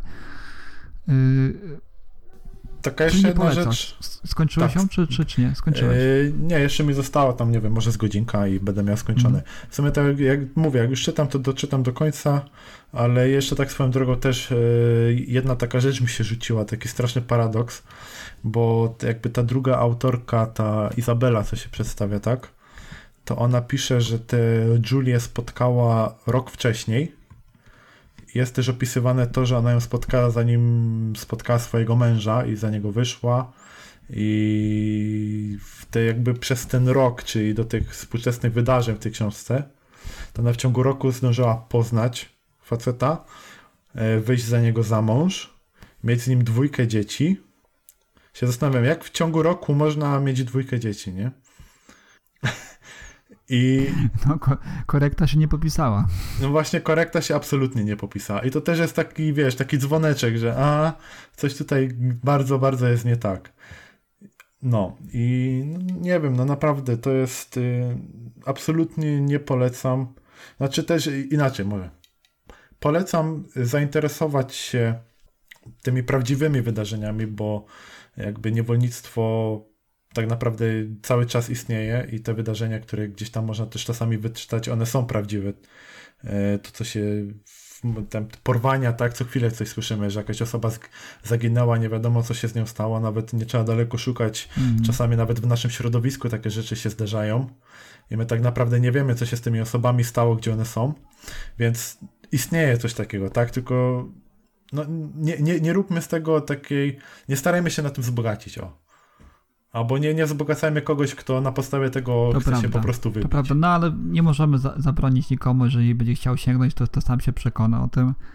Y, Na, natomiast no, je- jest, jest pula książek, które gdzieś tam do nas nie trafiają No, i jak naprawdę go, gorzej, kiedy są to książki szkodliwe, tak? No ale to z, pewnie z, każdego, z każdej kategorii znajdzie się taka literatura, trzeba sobie po prostu wyrobić y, swoje własne zdanie i, i sięgać po takie, które mm, no, sugerować się troszeczkę opinią innych, bo, bo faktycznie mm, strata czasu z jednej strony, z drugiej strony y, można skrzywdzić się troszeczkę y, przez te, patrząc przez pryzmat tego typu literatury na świat. To nie? prawda.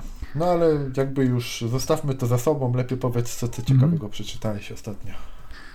Y, Ja mogę polecić y, książkę y, Robina Dunbara. To jest wznowienie wydanej po raz pierwszy w 2010 roku książki. Mm, Książka nosi długi tytuł, jak to, jak to bywa przeważnie w tego typu literaturze popularno-naukowej.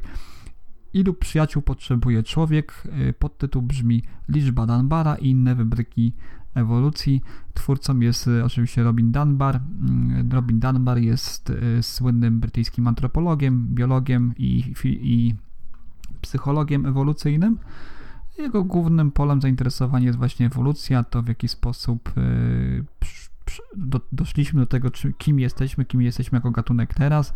No i w książce właśnie y, Ilu przyjaciół potrzebuje człowiek, to jest jedna z późniejszych książek Robina Dunbara. On w ogóle wydał w Polsce całą masę książek właśnie związanych z tą tematyką ewolucji, tego jak, jak ewolucja odciska swoje piętno cały czas, jak w naszych genach tkwiące właśnie uwarunkowania ewolucyjne mają przełożenie na nasze współczesne życie, tak? Są niektóre rzeczy, niektóre takie, można by powiedzieć, y, artefakty gdzieś w naszych genach, które nadal y, działają na, na, na dzień dzisiejszy. I Dunbar jest takim bardzo praktycznym, w taki bardzo praktyczny, powiedziałbym, sposób przedstawia to, jak y, nasze, nasze, nasza, nasza ewolucja uwarunkowała nas do życia współcześnie chociażby, czyli jak sobie radzimy w związkach, tak, między kobietami, mężczyznami, z przyjaciółmi, w jaki sposób y, w pracy nam to pomaga, w jaki sposób też wpływa na nasze widzenie świata współczesnego, rozwój, na masę całą rzeczy, które są związane z, z, naszym, z naszym dzisiejszym funkcjonowaniem w świecie współczesnym, a jednocześnie tkwiącym wiele, wiele tysięcy lat wstecz, tak, w przeszłości. Także bardzo, bardzo ciekawa książka, y, tym ciekawsza, że jest to bardzo fajna pozycja, jeżeli ktoś chce zacząć właśnie zapoznawać się z, z teoriami Robina Dunbara. To jest jeden z takich najbardziej rozpoznawalnych twórców tej tematyki, najbardziej popularnych i znany jest z, z takiej słynnej liczby Dunbara. Liczba ta wynosi 150 i określa maksymalną ilość osób, z którymi możemy nawiązać y, stabilne i regularne relacje. Czyli tylu przyjaciół możemy mieć. Dużo.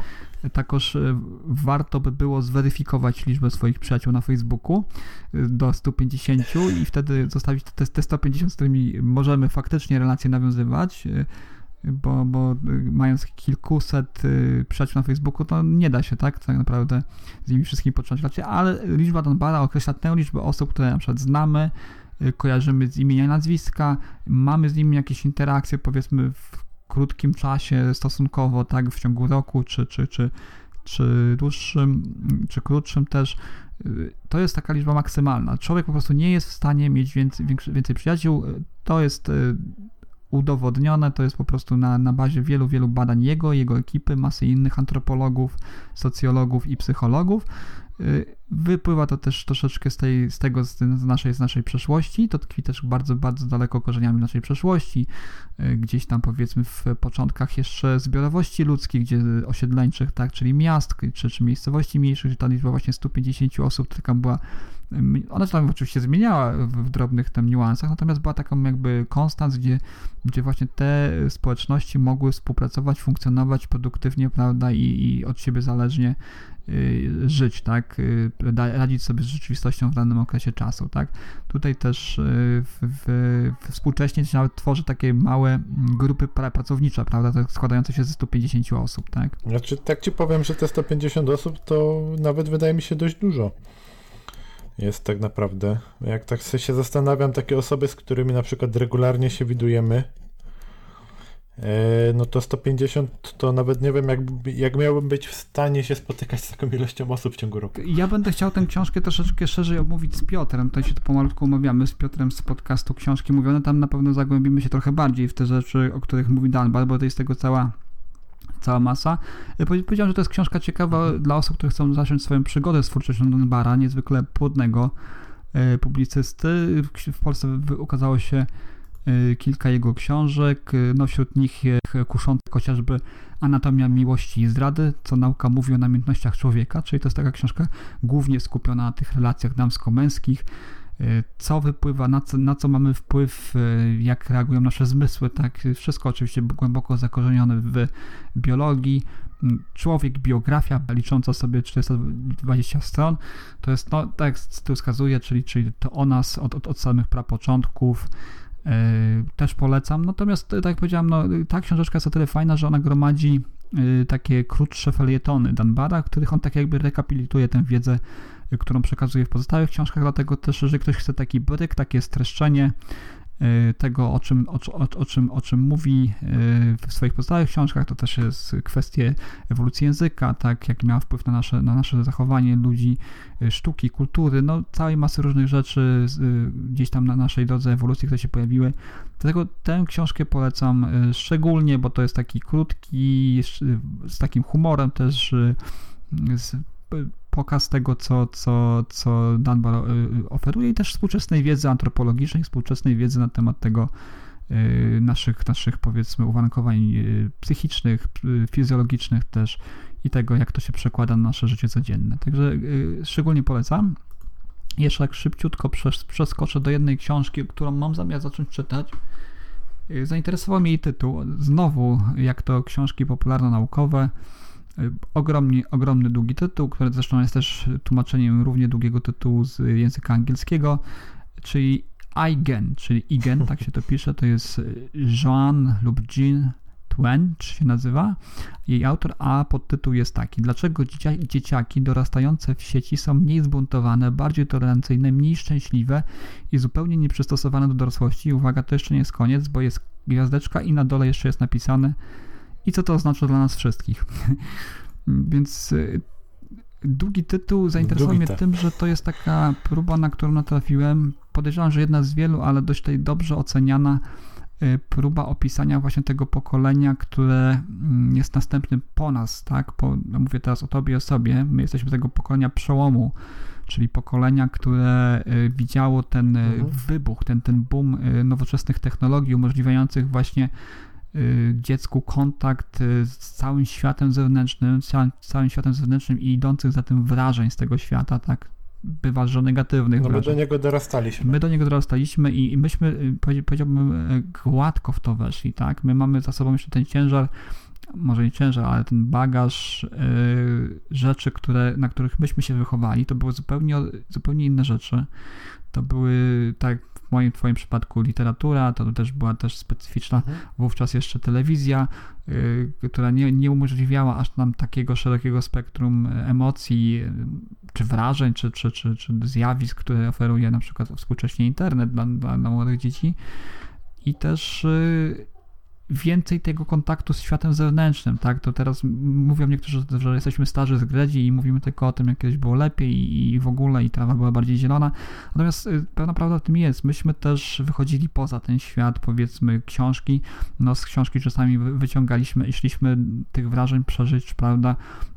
Zabaw na podwórku, w parku, prawda? Gdziekolwiek Tymczasem teraz mhm. nawet dziecko, które wychodzi, opuszcza dom, ono ciągle zabiera ze sobą to coś w ręku, tak? Tego smartfona, ten tablet, jakieś urządzenie, które nadal sprawia, że ono jest w kontakcie z tym yy, internetem. Ja nie mówię, że internet jest zły, bo ja to nie jestem jakimś yy, yy, powiedzmy krzyżowcem, który walczy, Fobem. tak, czy, czy, czy też technofobem, ale, ale tak po prostu jest. No i tutaj widzę, że w opisie książki jest dużo takich rzeczy, które mnie interesują, które y, ze strony autora próbują być y, formą opisania tej, tego pokolenia i też co ciekawe, próbą spojrzenia takiego dalszego, co wyrośnie właśnie z tych, z tych y, z tej młodzieży, z tych, z, tej, z tych dzieci, które praktycznie no, nie odrywają nosa od internetu, od, od, od no oczywiście filtr, filtr tego, co, co trafia do dzieci jest bardzo, ma bardzo szerokie oczy, tak, to to sito, trafia do nich masa rzeczy, o ile oczywiście rodzice e, są nie za bardzo e, skupieni na dziec, dzieciach, a wiemy, że w dzisiejszym e, świecie pełnym takich właśnie y, pędu, tak, gdzie rodzice naprawdę, czasami oboje rodziców pracują, tego czasu jest coraz mniej, bywają zmęczeni. Czasami łatwiej jest im po prostu dać temu dziecku smartfona, ono się tam sobą zajmie, a tak naprawdę, no, co z tego wynika. No i tutaj taka książka liczę na to, że właśnie będzie ta, ta, tą książką, y, książka Jean Twench. Y, kupiłem y, gdzieś tam w którejś wyprzedaży właśnie w, e-booka, no i zaciekawiło mnie to. Bardzo mnie to interesuje, jak, co tutaj autor ma do powiedzenia. Czy, czy też autorka, bardzo trudno mi to jest określić, to y, też trudno by było znaleźć na jej temat w internecie zbyt wiele. Jest to też jest to psycholog, y, oczywiście tutaj publikowała w tych najpoważniejszych po- periodykach, to, to, to akurat jest dość typowe, prawda, kiedy widzimy nowego y, y, twórcę, pisarza, publicystę i tam zawsze jest, jest lista New York Times, Newsweek, y, Time, Atlantic, Washington Post i to może znaczyć wszystko i może nie znaczyć nic, tak na dobrą sprawę, wiesz, więc, więc bo mogła tam popełnić artykuł lub krótką notatkę, prawda, ale, ale mimo wszystko jestem e, optymistycznie nastawiony, no nie ma ta książka u nas jeszcze, u nas jeszcze żadnych recenzji, Ale tak, jak- tak jak wspomniałem, no wszyscy znamy takie dzieci, wszyscy znamy takie rodziny, gdzie gdzieś tam ten y, telefon dominuje i też ciekawe co, ciekawe co o tym tej, y, y, co, co o tym się sądzi w tej, w tej książce, no dobre, dobre oceny ma na Amazonie, tak, także to, to mnie pewnym takim optymizmem napawa, że, że oryginalna anglojęzyczna wersja tej książki ma naprawdę dobre oceny, to jest cztery gwiazdki, przypomnę, że Amazon stosuje pięciostopniową skalę ocen. Tak, żeby ktoś nie pomyślał, że to 4 na 10. No i to tyle. Nie wiem, czy, czy chcesz się w jakiś sposób jeszcze odnieść, czy masz jeszcze coś tutaj przygotowane, czy może chciałbyś nas zaprosić do, do nowego odcinka y, Bookbusters? Nie wiem, co tam No, w przygotowujecie. momencie, w którym y, teraz nagrywamy, y, to Bookbusters już y, 41 numer jest za rogiem, więc na pewno pojawi się przed tym nagraniem. A kolejny już za dwa tygodnie i w najbliższym, czyli 41 numerze, to już mogę trochę zaspoilować. E, Będę mówił o jednym z moich absolutnie ulubionych autorów, czyli Brandonie Sandersonie, jego no- nowszej książce Rytmatysta. Mm, No i oczywiście, jak można bardzo łatwo przewidzieć, podobała mi się i jej wrażeniami. Istnie- Istnieje ryzyko, że niebawem y, Bookbuster zostanie prze, przemianowany, nie wiem, na y, Brandon Sanderson Show. Nie, nie, chyba my, my myślę, że nie ma takiej potrzeby. Chociaż W ogóle widzę, Sanderson to jest, to jest ten y, gdzieś tam y, krąży plotka, że to jest ten właśnie nominowany przez samego y, George'a R. Martina do kontynuowania jego, jego gry w razie co, prawda? W razie, w razie jakiejś wpadki. to nawet nie wiedziałem, ale nawet mnie to nie tak, dziwi, tak mi się wydaje przynajmniej, tak słyszałem. koło czasu już kończył Mhm. Sanderson. A, no tak, to przepraszam, to nie, nie Sanderson, to chyba Aber, Abercrombie chyba jest, no, je- jest jeden z tych pisarzy, którzy tam teraz tworzą całkiem dobre fantazy, a, a gdzieś tam zostali niby pobłogosławieni. No w, ka- w każdym razie to jest, będzie, będzie o Sandersonie w nowym Bookbusters, tak? Nie, niespodzianka, tak? A, że, a Sanderson jest. jest. płodny i ma sporo do wydania i też sporo do wydania jeszcze w Polsce, więc na pewno w każdym odcinku jakaś tam Już zmianka za się horyzontem pojawi. jest kolejna książka Sandersona, tym razem od wydawnictwa Zysk. Mhm. To w ogóle ciekawe, nie? Że, że kilka wydawnictw ma do niego prawo w, w Polsce. Przeważnie jest tak, że tak jak w przypadku Kinga chociażby, nie? Że ten. To, akurat to też y, były wyjątki, akurat jeżeli chodzi, ale głównie tam był y, Pruszyński chyba, o ile mnie pamięć nie zawodzi. Później, Alba, a później No. Albatros coś tam wydawał też, ale, ale chyba gł- główny Rej Pruszyński. Też mnie to zastanawia, czy czym to jest jakby związane, bo e, Mac najpierw wydawał tylko jakby te dla dorosłego odbiorcy i Alcatraz kontra bibliotekarzy na przykład już e, Filia, jak dobrze pamiętam, wydawała i to było skierowane do młodzieży i dzieci.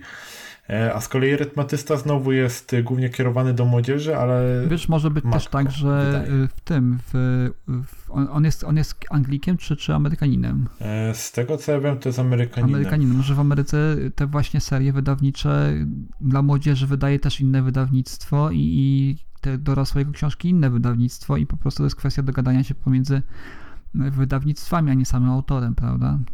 Tak może, tak Wiesz może co, to wyglądać. jeszcze w sumie mam jeszcze jedną teorię, bo te książki, co wydaje Mac, znaczy poza rytmatystą w tej chwili, e, to one jakby, mm, mimo że to są różne historie, najróżniejsze i jakby przedstawiają w pewien sposób też różne światy magiczne, to podobno one należą do jednego wspólnego uniwersum e, tego kosmer całego, tak się to nazywa. Nie wiem, czy rytmatysta się do tego zalicza, czy nie, to bym musiał sprawdzić dokładnie. A Alcatraz na przykład, z tego co wiem, to jest całkiem inny świat, inny uniwersum, więc może stąd się W każdym razie ukazuje się, jest popularny w Polsce. Chciałbym móc mieć więcej czasu, żeby tak. móc bardziej się w Brandona Sandersona zagłębić, bo podejrzewam, że 10 lat młodszy ja, to pewnie jedną po drugiej by, bym jego książkę sięgał, a, a teraz tak jakoś, no...